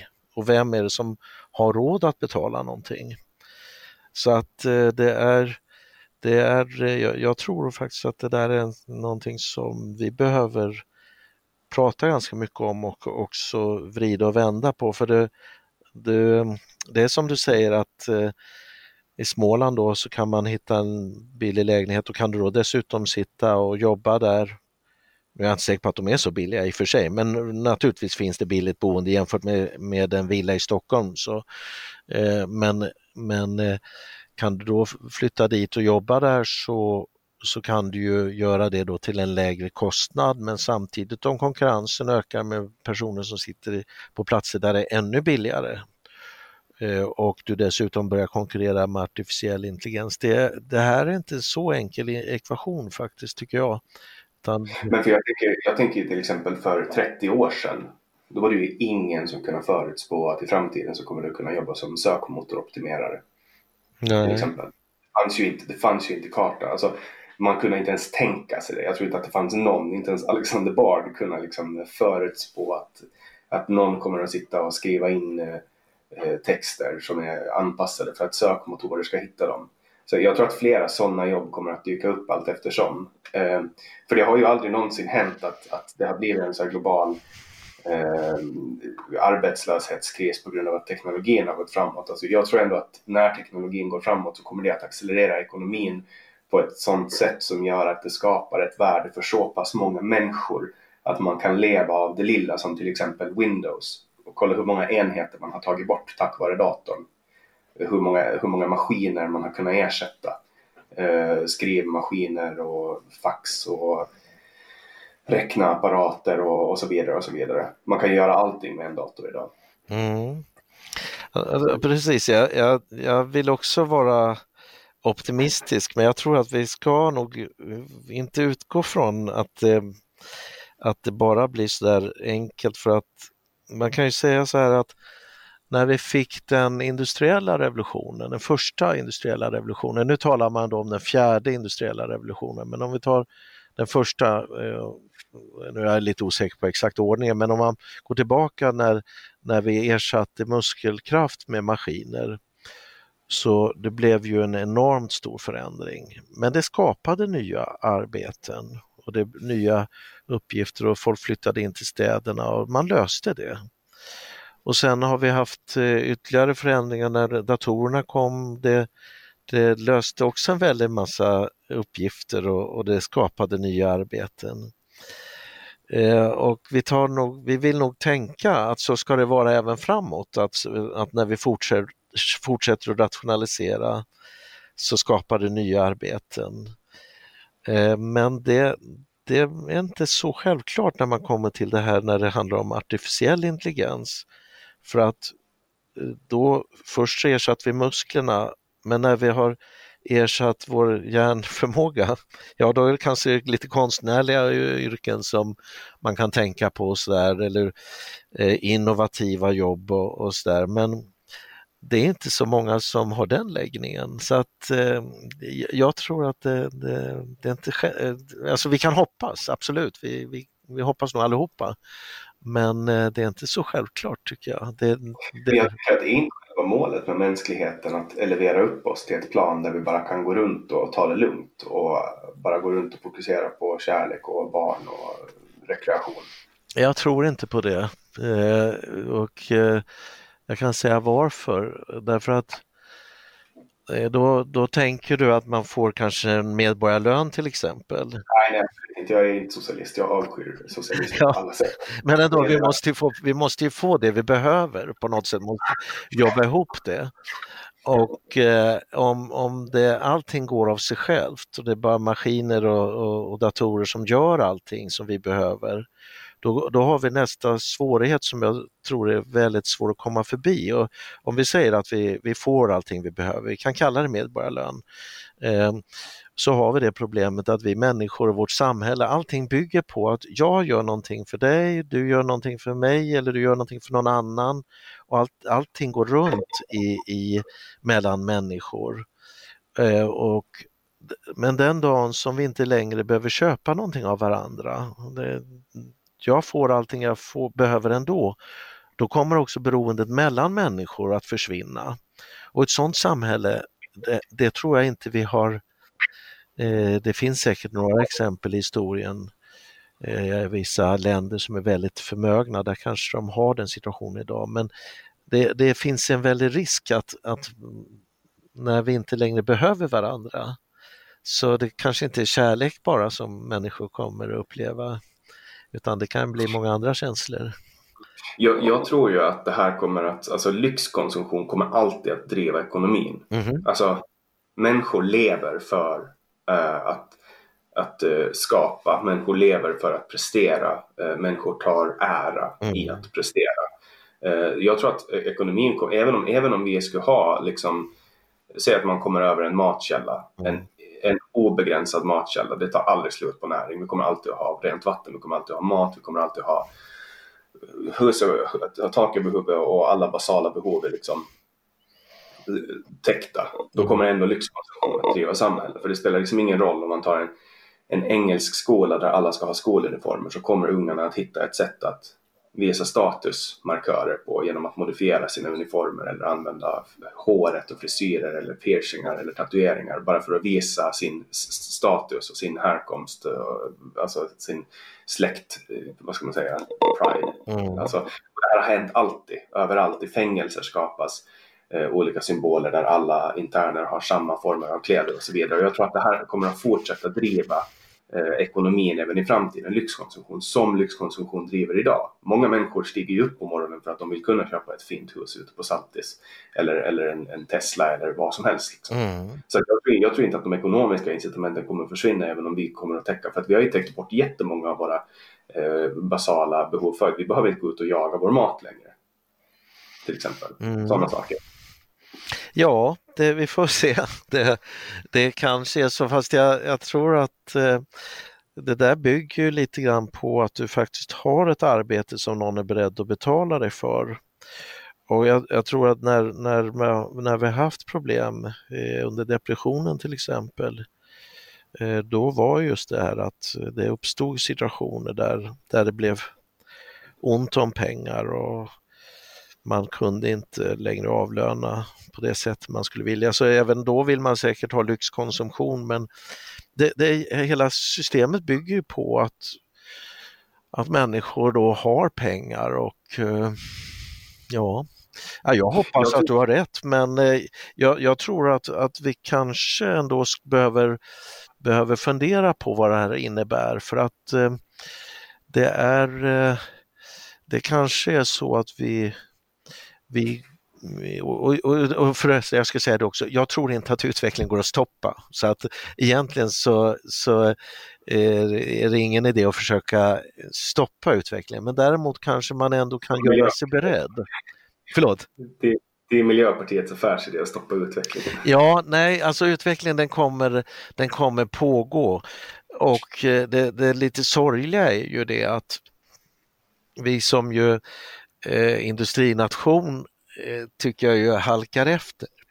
Vi, det, det, finns inte de visioner som eh, eller jo, det finns mycket visioner, absolut, men, men vi, vi släpper viktiga områden som vi inte engagerar oss i och jag tror att artificiell intelligens just är ett sådant område. Och eh, då ser vi ju hur, eh, hur den här utvecklingen, den den drivs på väldigt mycket i Kina. Och där eh, jag är inte säker på att det är ett lyckorike som tonar fram riktigt där utan det här används ju väldigt mycket också för övervakning och kontroll av människor. Och, då, det, och det tror jag är någonting som ligger i, framför oss och det ser vi ju väldigt tydligt att, eh, att kontrollen av människor den bara ökar. Och den ökar just med tanke på att, att man samlar in så här mycket information om människor. Samtidigt skulle jag säga att man, man kanske var lika kontrollerad för 200 år sedan, fast man var det i ett litet samhälle där alla visste allt om alla. Så att det, det är svårt att säga om det är en skillnad, men, men vi går åt det hållet, det tror jag. man, kan testa att bo på Åland, det är ett litet samhälle där alla vet allting om alla. Ja, så att det, det är en väldigt intressant fråga. Är den här kontrollen man är, håller på att initiera nu i Kina, där man ska veta allt om alla, är det ungefär på samma sätt som i ett litet samhälle? Eller, eller eh, är det någonting radikalt annorlunda där man ju vill kunna kontrollera sina kritiker och se till att, att man håller samhället stabilt och sådana saker.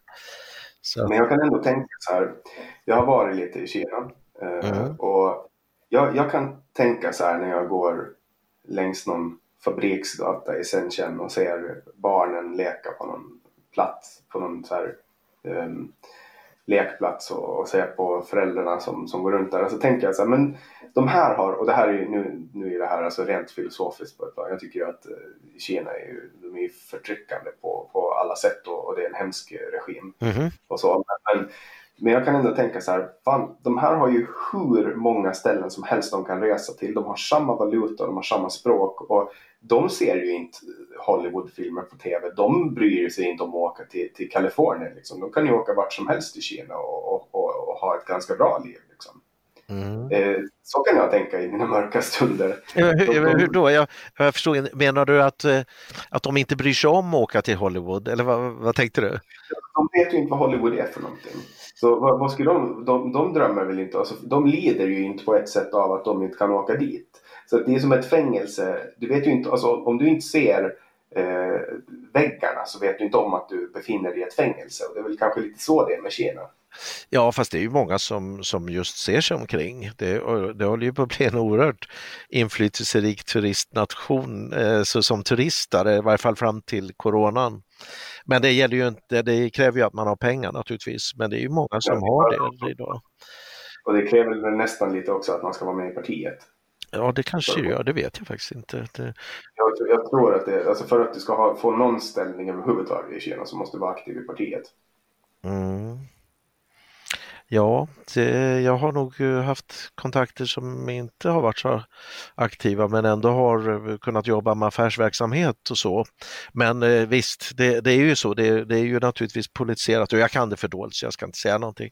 Men, men just de här frågorna som vi var inne på, där kan man ju säga ändå att eller en frågeställning är ju om, om Kina nu, går de före oss eller kommer de att anamma det tänkande som vi har. Och jag tycker det finns ganska mycket som talar för att de inte är så sugna på att anamma det utan eh, den här tekniska utvecklingen och alltihopa, det använder de ju för sitt välstånd och de använder det ju för att skapa en, en ledande position i, i världen. Att de vill vara en dominerande kraft. de har ju sina intressen i, i första hand. Ja, absolut. Eh, absolut. Och, Eh, så att eh, det, mm, och det, det här som vi pratar om demokrati och så där, det är ju, jag tror att de ser på, på saker på ett helt annat sätt och det, jag tror inte vi ska ta för givet att de, att de tänker följa i våra spår och därför också jag tänkt på det du beskrev om, om framtiden som ett lite grann ett sånt här rike där alla får allting de behöver och vi, vi bara eh, kan glida runt och, och ha det mysigt.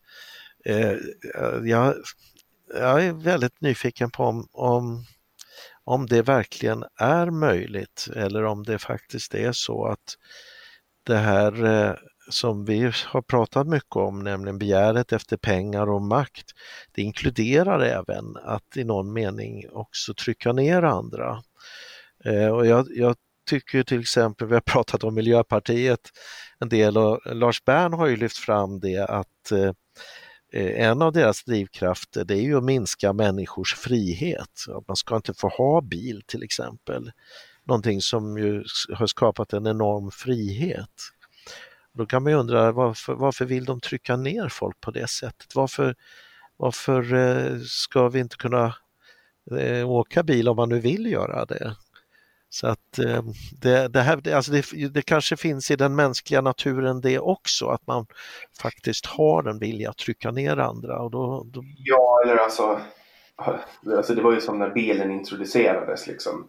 Då fanns det ju folk som ville att den inte skulle finnas för att den let mycket och det var djävulens, det var en helvetesmaskin liksom som rullade fram och, och, och förde oväsen. Och så ansåg ju folk också att häst och vagn var överlägset.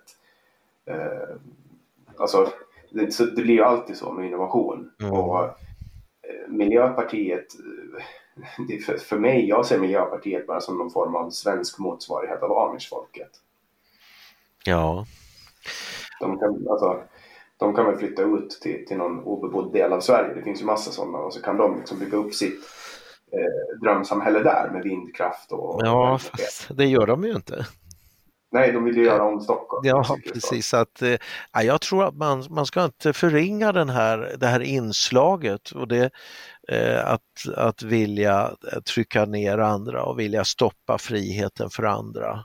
Och var, varifrån det kommer, det kan man nog bara gissa, men att eh, alltså den typen, om vi nu pratar liksom hur, hur världen kommer att utvecklas så så det är klart att det, det, det vore ju fint om det blev ett lyckorike där alla fick det de behövde men det finns nog väldigt mycket som faktiskt talar för att eh, det behöver inte alls bli så utan det kan vara tvärtom. Att, att eh, det blir väldigt många som inte hittar någon riktig försörjning och att eh, den här bostaden som man ändå måste ha den kostar oändligt mycket pengar. Och det, så det var väl just en sak du sa det att eh, att det blir billigare att leva men det stämmer när det gäller konsumtionsvaror. Men allt som inte längre kan eh, tillverkas, mark kan inte tillverkas och ehm, allt sånt har ju blivit fruktansvärt mycket dyrare. Och det är ju också i spåren på den här eh, finansiella förändringen som, som vi har pratat om väldigt mycket i, i eh, vår kanal. Och det, man kan väl säga, vi har ju försökt, eh, Magnus Stenlund särskilt har ju skissat på vart det här kommer att ta vägen och eh, det finns en hel del ganska obehagliga möjligheter eh, för det som ligger framför oss här. Och det, jag tycker att det är någonting som man ska tala om. Jag vill ju att de som följer vår kanal, de ska vara bättre rustade och mer eh, insatta i vad vad som står för dörren än de som inte gör det. Och eh, vi, ja även sådana här saker som vi har ju pratat om bitcoin. Eh, jag vill inte rekommendera någon att köpa bitcoin även om jag tycker det är ett väldigt intressant koncept. Men eh, jag tycker att vi ska veta vad det handlar om så att man själv får ta ställning. Ehm, så att eh, just att det, om du frågar vad, vad är syftet med kan, kanalen så ett, ett av syftena när det gäller ekonomi det är att vi vill att man ska vara mer förberedd på utvecklingen. Och eh, en sak som är väldigt viktig där det är ju att eh, eh, när, när man följer de vanliga medierna så, så kan man ju tro att oljan inte längre behövs. Men det visar sig ju tvärtom att fortfarande så är nästan all energiproduktion i världen eh, Eh, inte, inte all, men det är näst, om jag vänder på det, det är nästan ingen energiproduktion i världen som kommer från vind och sol. Det är bara några få procent och eh, de fossila bränslena är helt dominerande och kommer vara det under lång tid framåt. Eh, och många tror ju att vi håller på att gå in i någon helt ny teknologisk era just nu som redan har tagit över där, där batterier och elbilar är, är det som, som eh, styr nu, men så är det ju absolut inte. Mm, det är väl världens Eh, största bolag nu, Tesla. Eller ett av dem i alla fall. Ja, fast då tror jag du tänker på värdet. För det är definitivt inte det när det gäller produktionen. nej, nej, men värdet vad människor tror på i alla fall. Ja, det visar ju precis det här som vi, vi, vi, vi är inne på, att vi får en sån här hype och den är driven av att folk tror att nu tillverkas det bara elbilar eller väldigt, väldigt stor andel elbilar. Och det är en växande andel absolut. Och det, den kommer, det är mycket möjligt att den kommer vara dominerande så småningom. Men eh, än så länge så är det ju en väldigt begränsad andel som är el driven om vi ser, ser globalt och, och man har ju fortfarande eh, många frågeställningar kring eh, hur man ska ladda de här bilarna. Och i många länder så laddas det ju med fossilt producerad elström så att det, allt, de här sakerna är väldigt mycket drivna av, av visioner och önsketänkande. Och det, det tycker vi att det ska man få information om så att man kan fatta korrekta beslut. Och en sak som vi har skjutit in oss på det är ju att våra pensionspengar allt mer styrs över på det här sättet så att de köper då aktier i den där typen av väldigt hypade bolag medan man säljer aktier i, i oljebolag som med all sannolikhet kommer ge, ge eh, en produktion under många år framöver. Så att det, det, våra pensionspengar blir politiskt styrda. Eh, och det finns många som tjänar pengar på det här, det inser man inte men de här förändringarna som vi pratar om det, det gör att det blir möjligt för olika ekonomiska intressen att tjäna stora pengar på våra pensionsfonder. Det kommer vi med ett program här nu i dagarna som, där vi kommer diskutera det, hur, hur en av världens största kapitalförvaltare går in i svenska bolag och, och försöker tvinga fram koncept kring, eh, eller förändringar kring hållbarhet. De vill ju bland annat sparka Karl-Henrik eh, Svanberg från Volvo det, och då pratar jag om Blackrock då, som är den största kapitalförvaltaren, eller i varje fall en av de största. Och de vill tvinga in etniska grupper i våra styrelser och det ska vara könsfördelning och annat som ju inte alls på något sätt eh, man har kunnat visa att det ger en högre lönsamhet. Så för pensionsspararna så är det ingenting som eh, man kan visa är, är lönsamt utan det drivs av andra saker. Mm. Vad, ni pratar också mycket om, om klimat och, och, jag kan tänka mig att ni berör Agenda 2030 och Parisavtalet. Ja, absolut. Vad, vad tänker du om, alltså för läser man eh, till exempel då eh, Parisavtalets, eh, alltså om man, om man går in på FNs hemsida så finns det en liten broschyr angående Agenda 2030 och, och artikel 13 eh, mm. om klimatmål. Då står det, vad kan du göra? Ät mer vegetarisk mat se över om du verkligen behöver ha kött och mejeriprodukter i alla måltider. Mm. Återvinn. Genom att källsortera ditt avfall så kan viss del material återvinnas och användas för att skapa nya produkter. Och sen flyg mindre. Varför inte tågluffa och utforska våra grannländer istället för att flyga på solsemester varje år? Vad tänker du om de här, eh, klimat, eh, här klimat, de här klimatmålen som satts i Paris? Ja, en sak man kan konstatera att eh, när det är eh, möte i de här kretsarna där man sitter och, och tar fram de här, då då åker man privatjet eh, till Davos-mötet här. Eh, det var väl förra året när man diskuterade klimatet, då var det väl, jag minns inte, om det var 150 privatjet som hade använts för att åka dit. När Greta skulle göra sin resa till USA då då fick man ju flyga eh, hela team med människor som skulle eh, köra de här båtarna eh, och de flög dit. Så att det här är ju ett hyckleri eh, som är väldigt omfattande. Eh, där, eh, där man då vill att vi, om jag får säga så, vanliga människor, vi ska inte flyga. Vi ska helst inte åka bil utan vi ska cykla eller gå. Medan eh, de personer som driver de här sakerna, de, eh, de har ju inga begränsningar alls. Isabella Lövin hon åker ju alltid eh, business class och när hon skulle, fick frågan varför så sa man att ja, men hon måste kunna sitta och jobba på flygplanet och så där. För det kan man inte göra om man är Nej, tydligen inte. Så att eh, om jag får börja där, det här är ett stort hyckleri där man vill inskränka människors frihet. Det, det är den ena sidan av det hela. Den andra sidan av det är att eh, det här kostar väldigt, väldigt mycket pengar. Och vart går de här pengarna? Eh, en stor del av dem eh, handlar om att det lånas upp i de här intressena som vi har pratat om och pengarna betalas ut i många fall just till, till de, de bolag som är kapabla och, och, och ta till sig de här pengarna och det är inte några småbolag i Sverige utan det är, det är eh, det, det, det här riktar sig till en viss krets av bolag.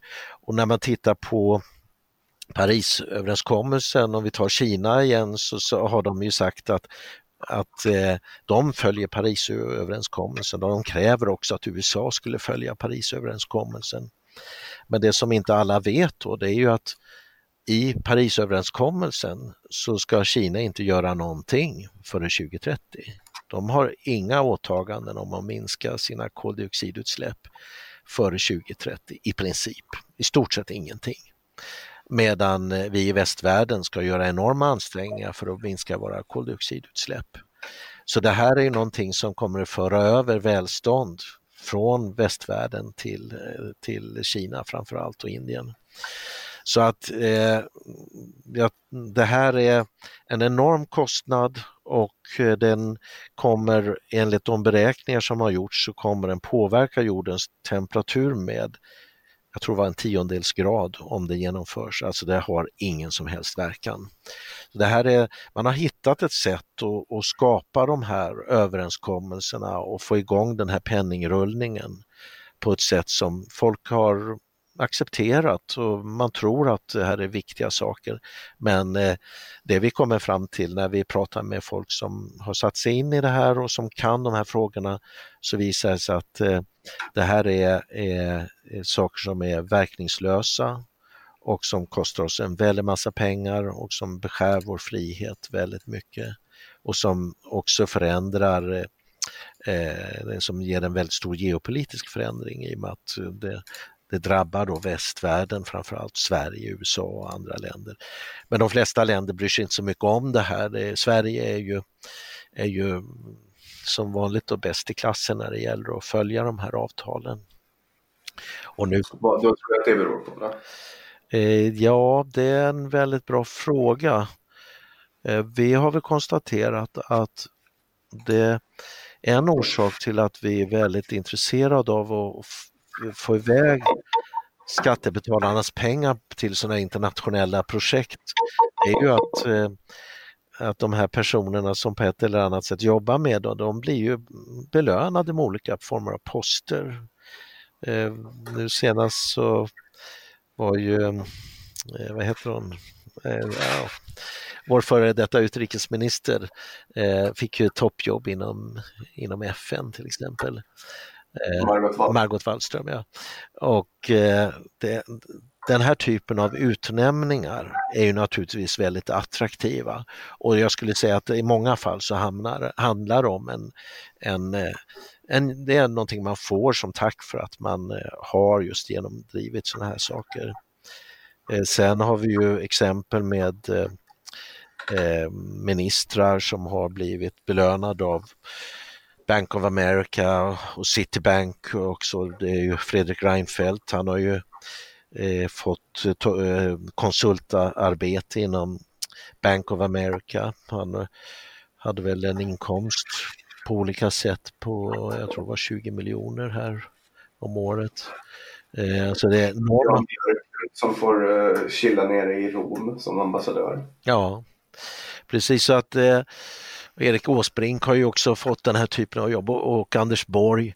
Eh, så att eh, man kan ju inte säga att det här är eh, det, det, är svårt att kalla det för korruption rätt, rent upp och ner för man vet inte hur avtalen ser ut. Men det är väldigt märkligt att de här, att man ska få den här typen av toppjobb med höga inkomster och fi, fina möjligheter när man har slutat med sitt egentliga arbete. Så att jag tror att där, där hittar du en del av svaret vi håller, varför vi håller på och skickar iväg så mycket pengar till olika länder. Sen ska vi inte glömma Eliasson heller. Mm. Nej. Också. Att han får behålla sin lön nu, det är ju det är helt sjukt enligt mig. Mm. Ja, det är ju där vi pratade tidigare om hyckleri och, och, och eh, Eh, hans hyckleri och Stefan Löfven och Morgan Johansson och alla de här som har sagt att ni går inte ut, träffa inga människor, det är slutfestat. Eh, och sen gör de precis tvärtom. Så att det är ett, ett fruktansvärt hyckleri där man försöker inskränka människors frihet. Eh, och sen själv så vill man, eh, ja så gör man inte det man har sagt att andra ska göra. Så att, eh, det är spännande. Såg du utfrågningen eh, i SVT? Eh, vilken? Corona, Coronautfrågningen. Nej, det har jag inte sett, nej. Det var där Stefan Löfven och Magdalena Andersson och eh, Anders Tegnell stå och liksom förkunna för alla att flockimmunitet aldrig var en strategi. Ja. Fast man sett hela våren liksom. Utan historierevisionism som man, man vill liksom inte tro att det är sant. Nej, det, det är rätt, men jag måste nog säga ändå att jag, jag tycker att Folkhälsomyndigheten de har gjort mycket fel. Eh, och de har, men faktum är att jag är väldigt tacksam över att, att vi inte har fått de här nedstängningarna, åtminstone inte förrän nu. Eh, och det visar sig att de här länderna som har haft eh, stora nedstängningar, de har ju inte klarat det här något speciellt bättre än vad vi har gjort. Så att ehm, ja, de, man kan nog ifrågasätta mycket av det de har tänkt. Och, men samtidigt så där är ju en situation som är svår. Jag tycker man ska ha ett visst överseende med att man gör felbedömningar. Men det som, som man inte ska överse med tycker jag egentligen, det är att, att vi har så stora problem på äldreboenden. Det är ju kopplat, tror jag, väldigt mycket till att vi har okunnig personal. Eh, där har vi också ett program faktiskt med Ann Nilsson, läkare, psykiater, som lyfter fram det att eh, i eh, de andra nordiska länderna där är undersköterskearbetet det är ett legitimerat yrke. Men i Sverige är det ju till och med så att en del av dem kan inte prata svenska och göra sig förstådda och är inte kunniga när det gäller enkla hygienregler. Så att det, det är självklart att när, när det finns sådana brister då, då är det ju väldigt svårt att hantera den här situationen inom äldreboenden. Och sen har vi ju det här med läkare som har, som har skrivit ut eh, morfin, eh, kanske i onödan. Samtidigt det där är eh, det, det, det, är svårt att veta i vilken omfattning det har varit. Men jag, jag tycker kanske att vi, vi ska ändå Ehm, jag, jag, känner mig tacksam för att vi inte har haft de här stora nedstängningarna för att det har ju visat sig ganska tydligt att de har inte gjort någon större nytta. Däremot att vi håller distans och förhindrar smitta, det är ju en, en självklarhet. Men vi har ju talat mycket om det att eh, att eh, D-vitamin och C-vitamin och zink det är väldigt viktiga, eh, viktiga vitaminer och mineraler för att minska risken för sjukdom. Och det, det tror jag faktiskt det, en, det har varit en, en viktig information. Men sen om eh, när det gäller vaccinering eller så, eh, jag säger väl lite som jag sa i den andra frågan, vi tar ju inte ställning i sådana saker. Det enda vi kan tycka är att man borde verkligen diskutera hur stora är riskerna med att ta vacciner som är så pass oprövade när man ändå vet att, eh, att det var ju en stor mängd som fick narkolepsi här i den förra vaccinationsomgången och att vacciner är inte någonting som är ofarligt utan man måste väga fördelarna mot nackdelarna. Och jag har inte sett någon seriös sån sammanvägning och särskilt inte som vi pratar om eh, flera olika vacciner. Vad har de för egenskaper? Och det här RNA-vaccinet som ju har en väldigt eh, i, ja, som ingriper i våra cellers eh, eh kod på ett sätt som är nästan på experimentstadiet som det verkar. Så att det, det, tycker jag jag skulle vilja se en diskussion kring.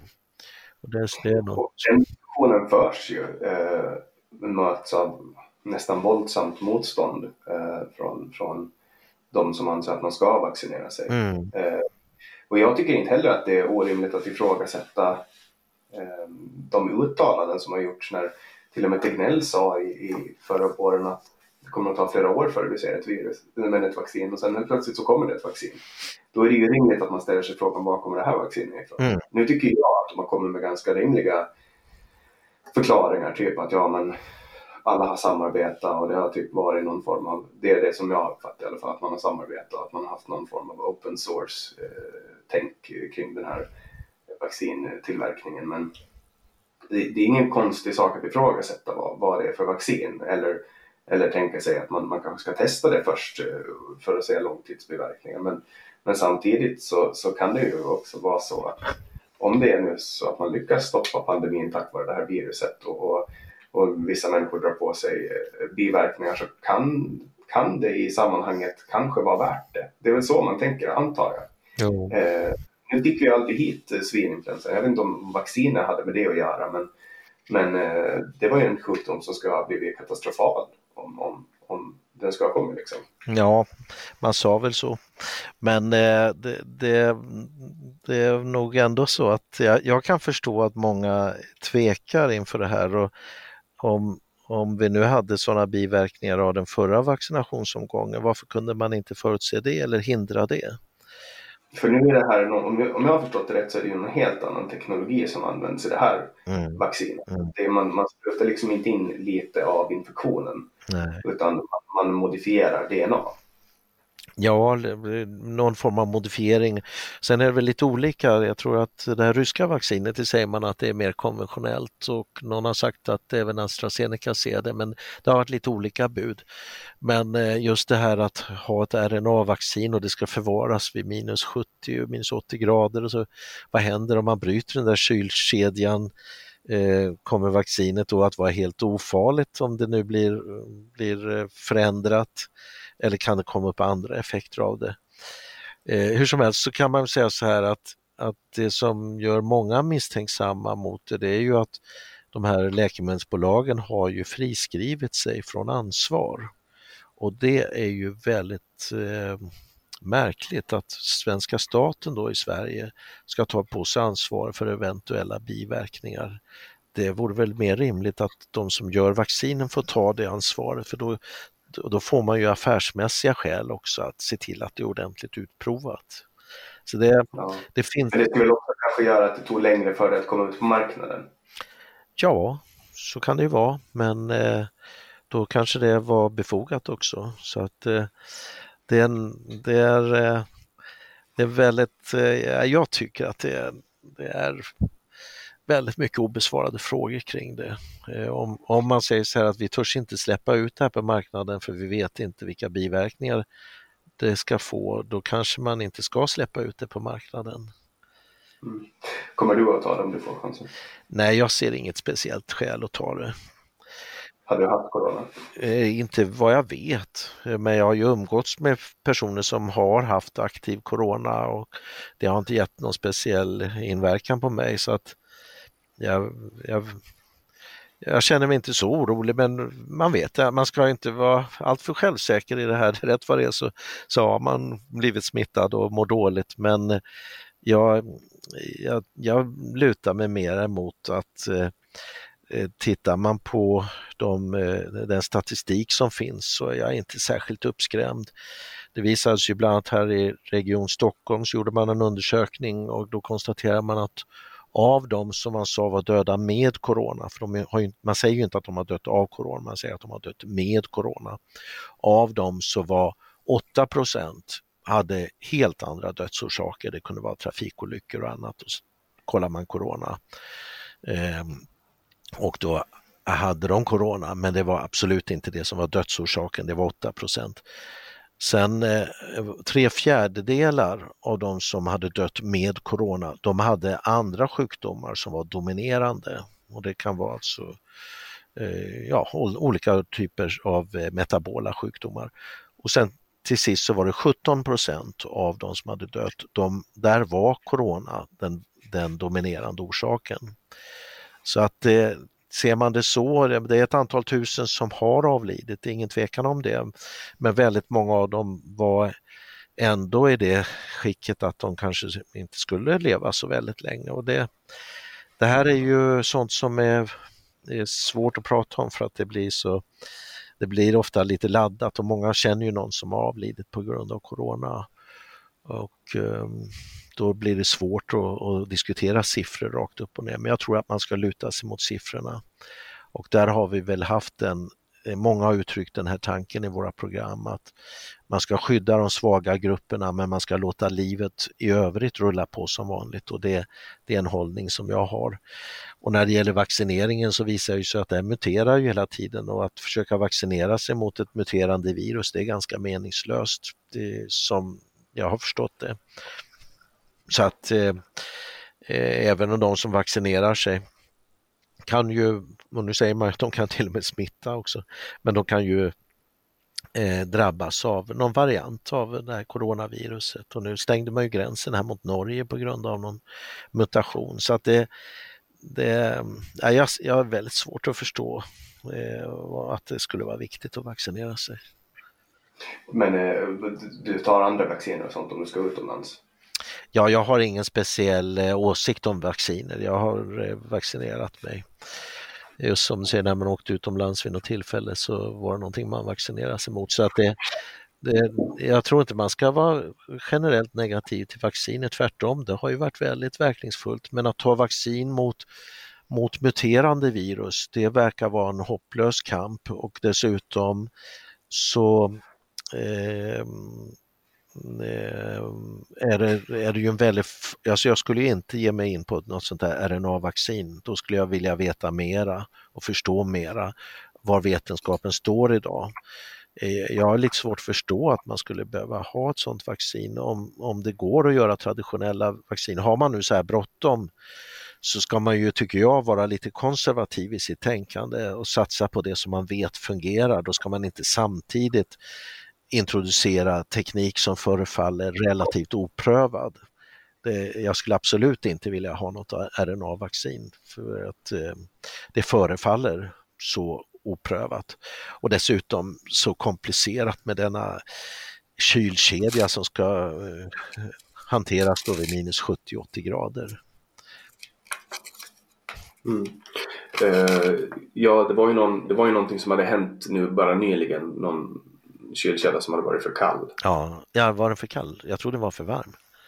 Ja, jag har för mig att den var för kall. Ja. Men jag, jag, mm. det, var, det var fel temperatur i alla ja. fall och därför rådde det ganska stor tvekan om vad som skulle hända med vaccinet och jag tror att man kasserar väl det för säkerhets skull. Mm. Eh, ja, fast jag också... tror att det var väl en del som var vaccinerade. Av med just den batchen? Ja, jag tror det. Ah, eh, ja. det och det är ju naturligtvis så att om nu vaccinet är viktigt, eh, då, då blir ju det här att ha koll på den här kyltransporten, det blir ju oerhört viktigt, men jag tror att det är väldigt svårt att säkerställa det. Det går naturligtvis, självklart går det. Men det här, vi pratar om temperatur, alltså minus 70-80 grader. I normal frys där har man kanske minus 18 grader och på ett labb där man har en lite mer speciell labbfrys, där kanske man har minus 30 eller i bästa fall minus 40 grader.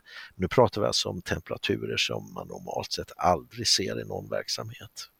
Ja, alltså det krävs ju mycket flytande kväve för att liksom hålla dem nivåerna. För det, det är väl inte ens med aggregat man håller det utan det är väl kemiskt tror jag. Ja, jag tror faktiskt att det är aggregat. Det, eh, det var någon artikel här det finns ju båda varianterna. Jag är övertygad om att du har rätt i det. Men det var ju något bolag nu som hade fått ett väldigt uppsving, även ett svenskt bolag, för att de fick börja leverera sådana här frysboxar. Så att eh, det är eh, men, men jag låter det vara osagt, jag, jag, vet faktiskt inte vad det är för teknik, men att det har gett upphov till en blomstrande kylindustri, det är ju naturligtvis många som är glada för.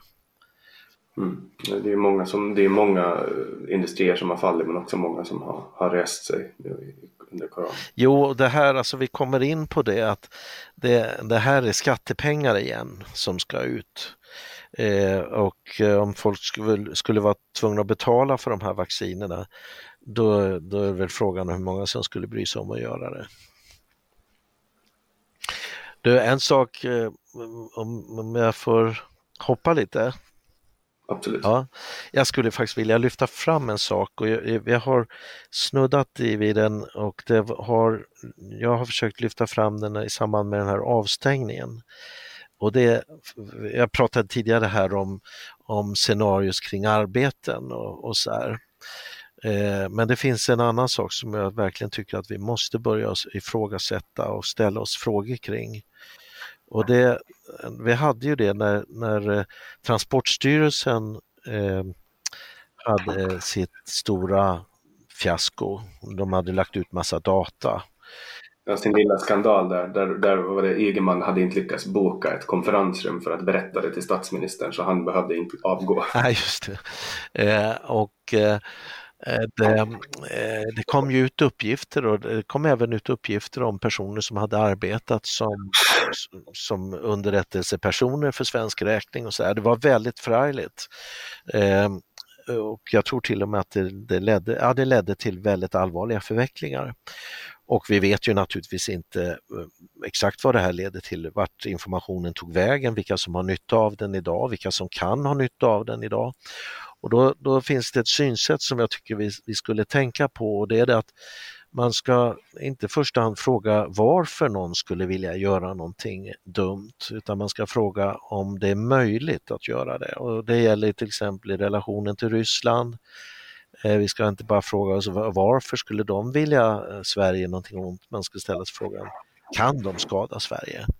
Och Jag tycker det är samma sak när det gäller eh, när det gäller den här övervakningen som vi har allt mer. Jag, jag köpte en sån här eh, liten sticka till en, för att eh, sätta i tvn då, så man kan, kan titta på olika kanaler.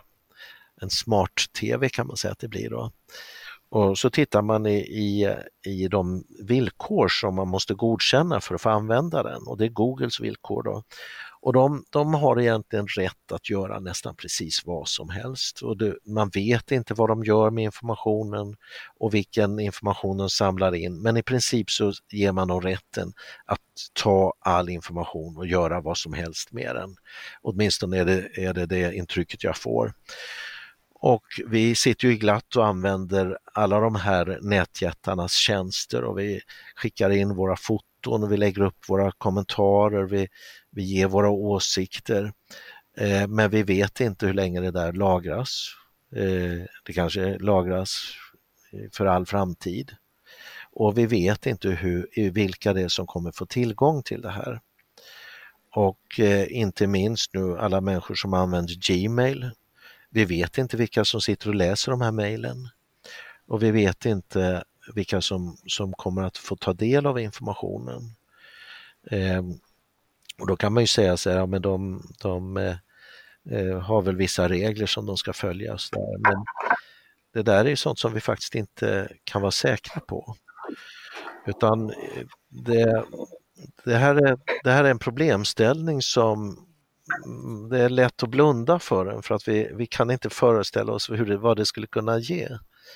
Men eh, jag tror att eh, vi skulle behöva diskutera det också, vara uppmärksamma på inte varför de skulle missbruka det här utan hur skulle det kunna missbrukas?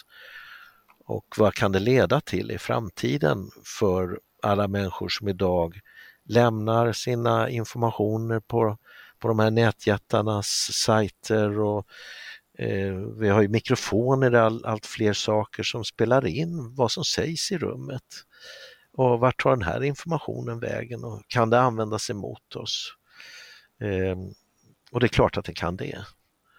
Och eh, det är, det är en, en risk som, som är väldigt svår att värdera. Men det rimliga vore att lagstiftarna satte gränser här och man, man bestämde hur den här informationen får an, användas och satte, eh, satte så att säga ja, gränser så att eh, det inte får användas på ett felaktigt sätt. Det är ju första steget i varje fall. Mm, och det var ju lite det som var tanken när man genomförde hela GDPR. Att uh, man måste ha en, alltså att man ska förändra det men det är ju fortfarande så att det var det som var tanken med hela GDPR, att man på något sätt skulle göra det uh, lättare för konsumenterna att få ha kontroll över sin information och det är ju saker som man egentligen inte kan lagstifta bort. Så tekniskt sett ska du ju kunna kontakta Google och säga hej ta bort allting du har på mig och så kommer de att radera allt de har. Mm. Uh, så är det ju tekniskt sett nu. Jag vet inte hur det väl funkar i praktiken. Men det jag brukar tänka, för det är ju klart att jag har tänkt på det här många gånger när jag har suttit och gett bort min information i princip. Jag är född 1994 och i princip hela mitt liv finns på internet recordat på något sätt med bilder, text, eh, kommunikation på alla sätt. Det är att det finns så jäkla många människor ute på internet så att jag, jag liksom försvinner i ett hav av information. Att vad ska, vem, vem är intresserad av mig? Eh, vad, vad ska de göra med den här informationen? Hur ska de lyckas samla den? Och så vidare. Det är så jag brukar tänka. Mm. Men jag kanske är naiv, jag vet. Det är väldigt optimistiskt. Jag tror att så där tänkte man ju innan man insåg hur kraftfulla de här sökverktygen är. För du kan ju vända på det och säga att den som vill veta allt om dig, eh, om vi säger att Google skulle vilja veta allt om dig, eh, då, då får de veta väldigt mycket. Frågan är sen om det är lagligt för dem att gå in och kolla på mina mejl till exempel. Ja, men hur vet vi att man följer lagarna?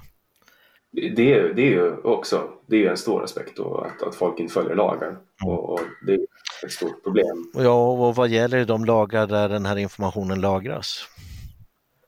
Mm. Ja, exakt. Vilka, var, vilka, är det det landet som den servern befinner sig på eller är det landet den har samlats in på och så vidare. Och så vidare.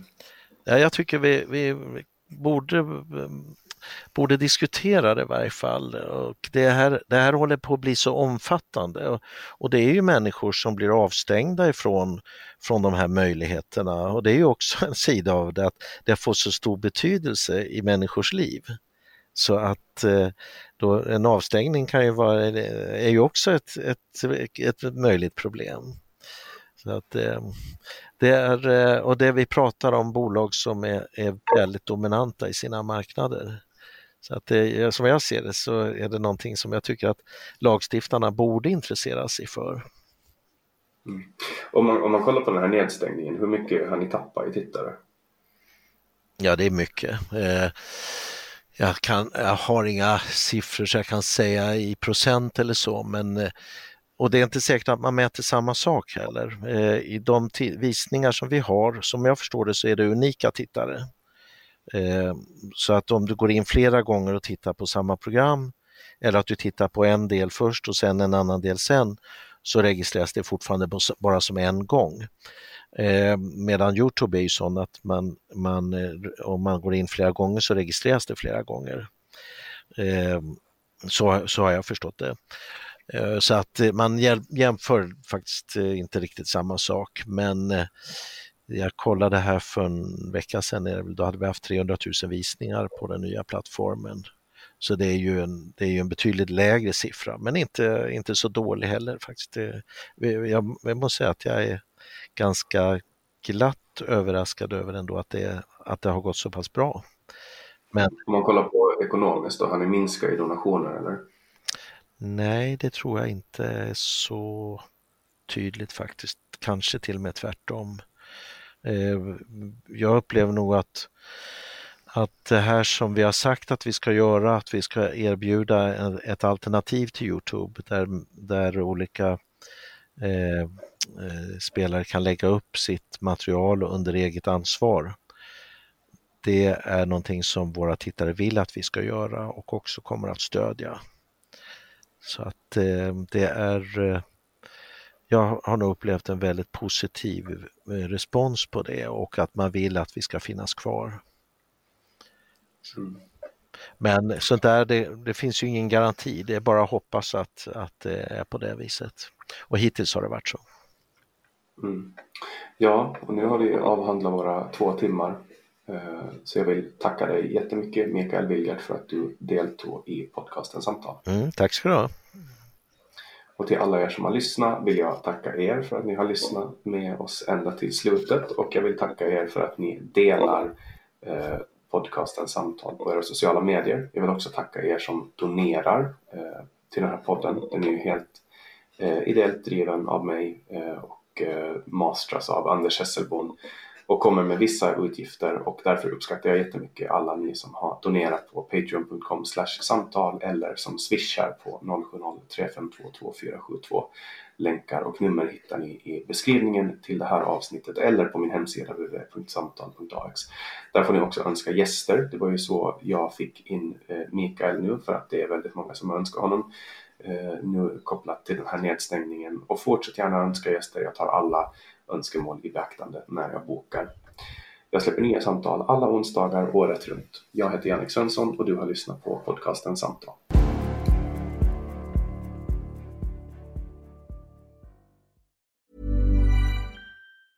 Even when we're on a budget we still deserve nice things. Quince is a place to scoop up stunning high-end goods for 50 to 80% less than similar brands. They have buttery soft cashmere sweaters starting at $50 luxurious Italian leather bags, and so much more. Plus, Quince only works with factories that use safe, ethical, and responsible manufacturing.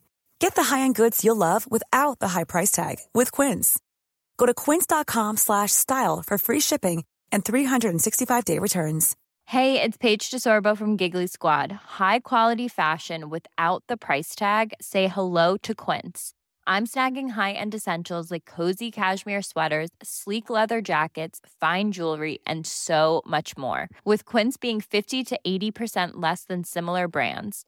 And they partner with factories that prioritize safe, ethical, and responsible manufacturing. I love that. Luxury quality within reach. Go to quince.com slash style to get free shipping and 365-day returns on your next order. quince.com slash style.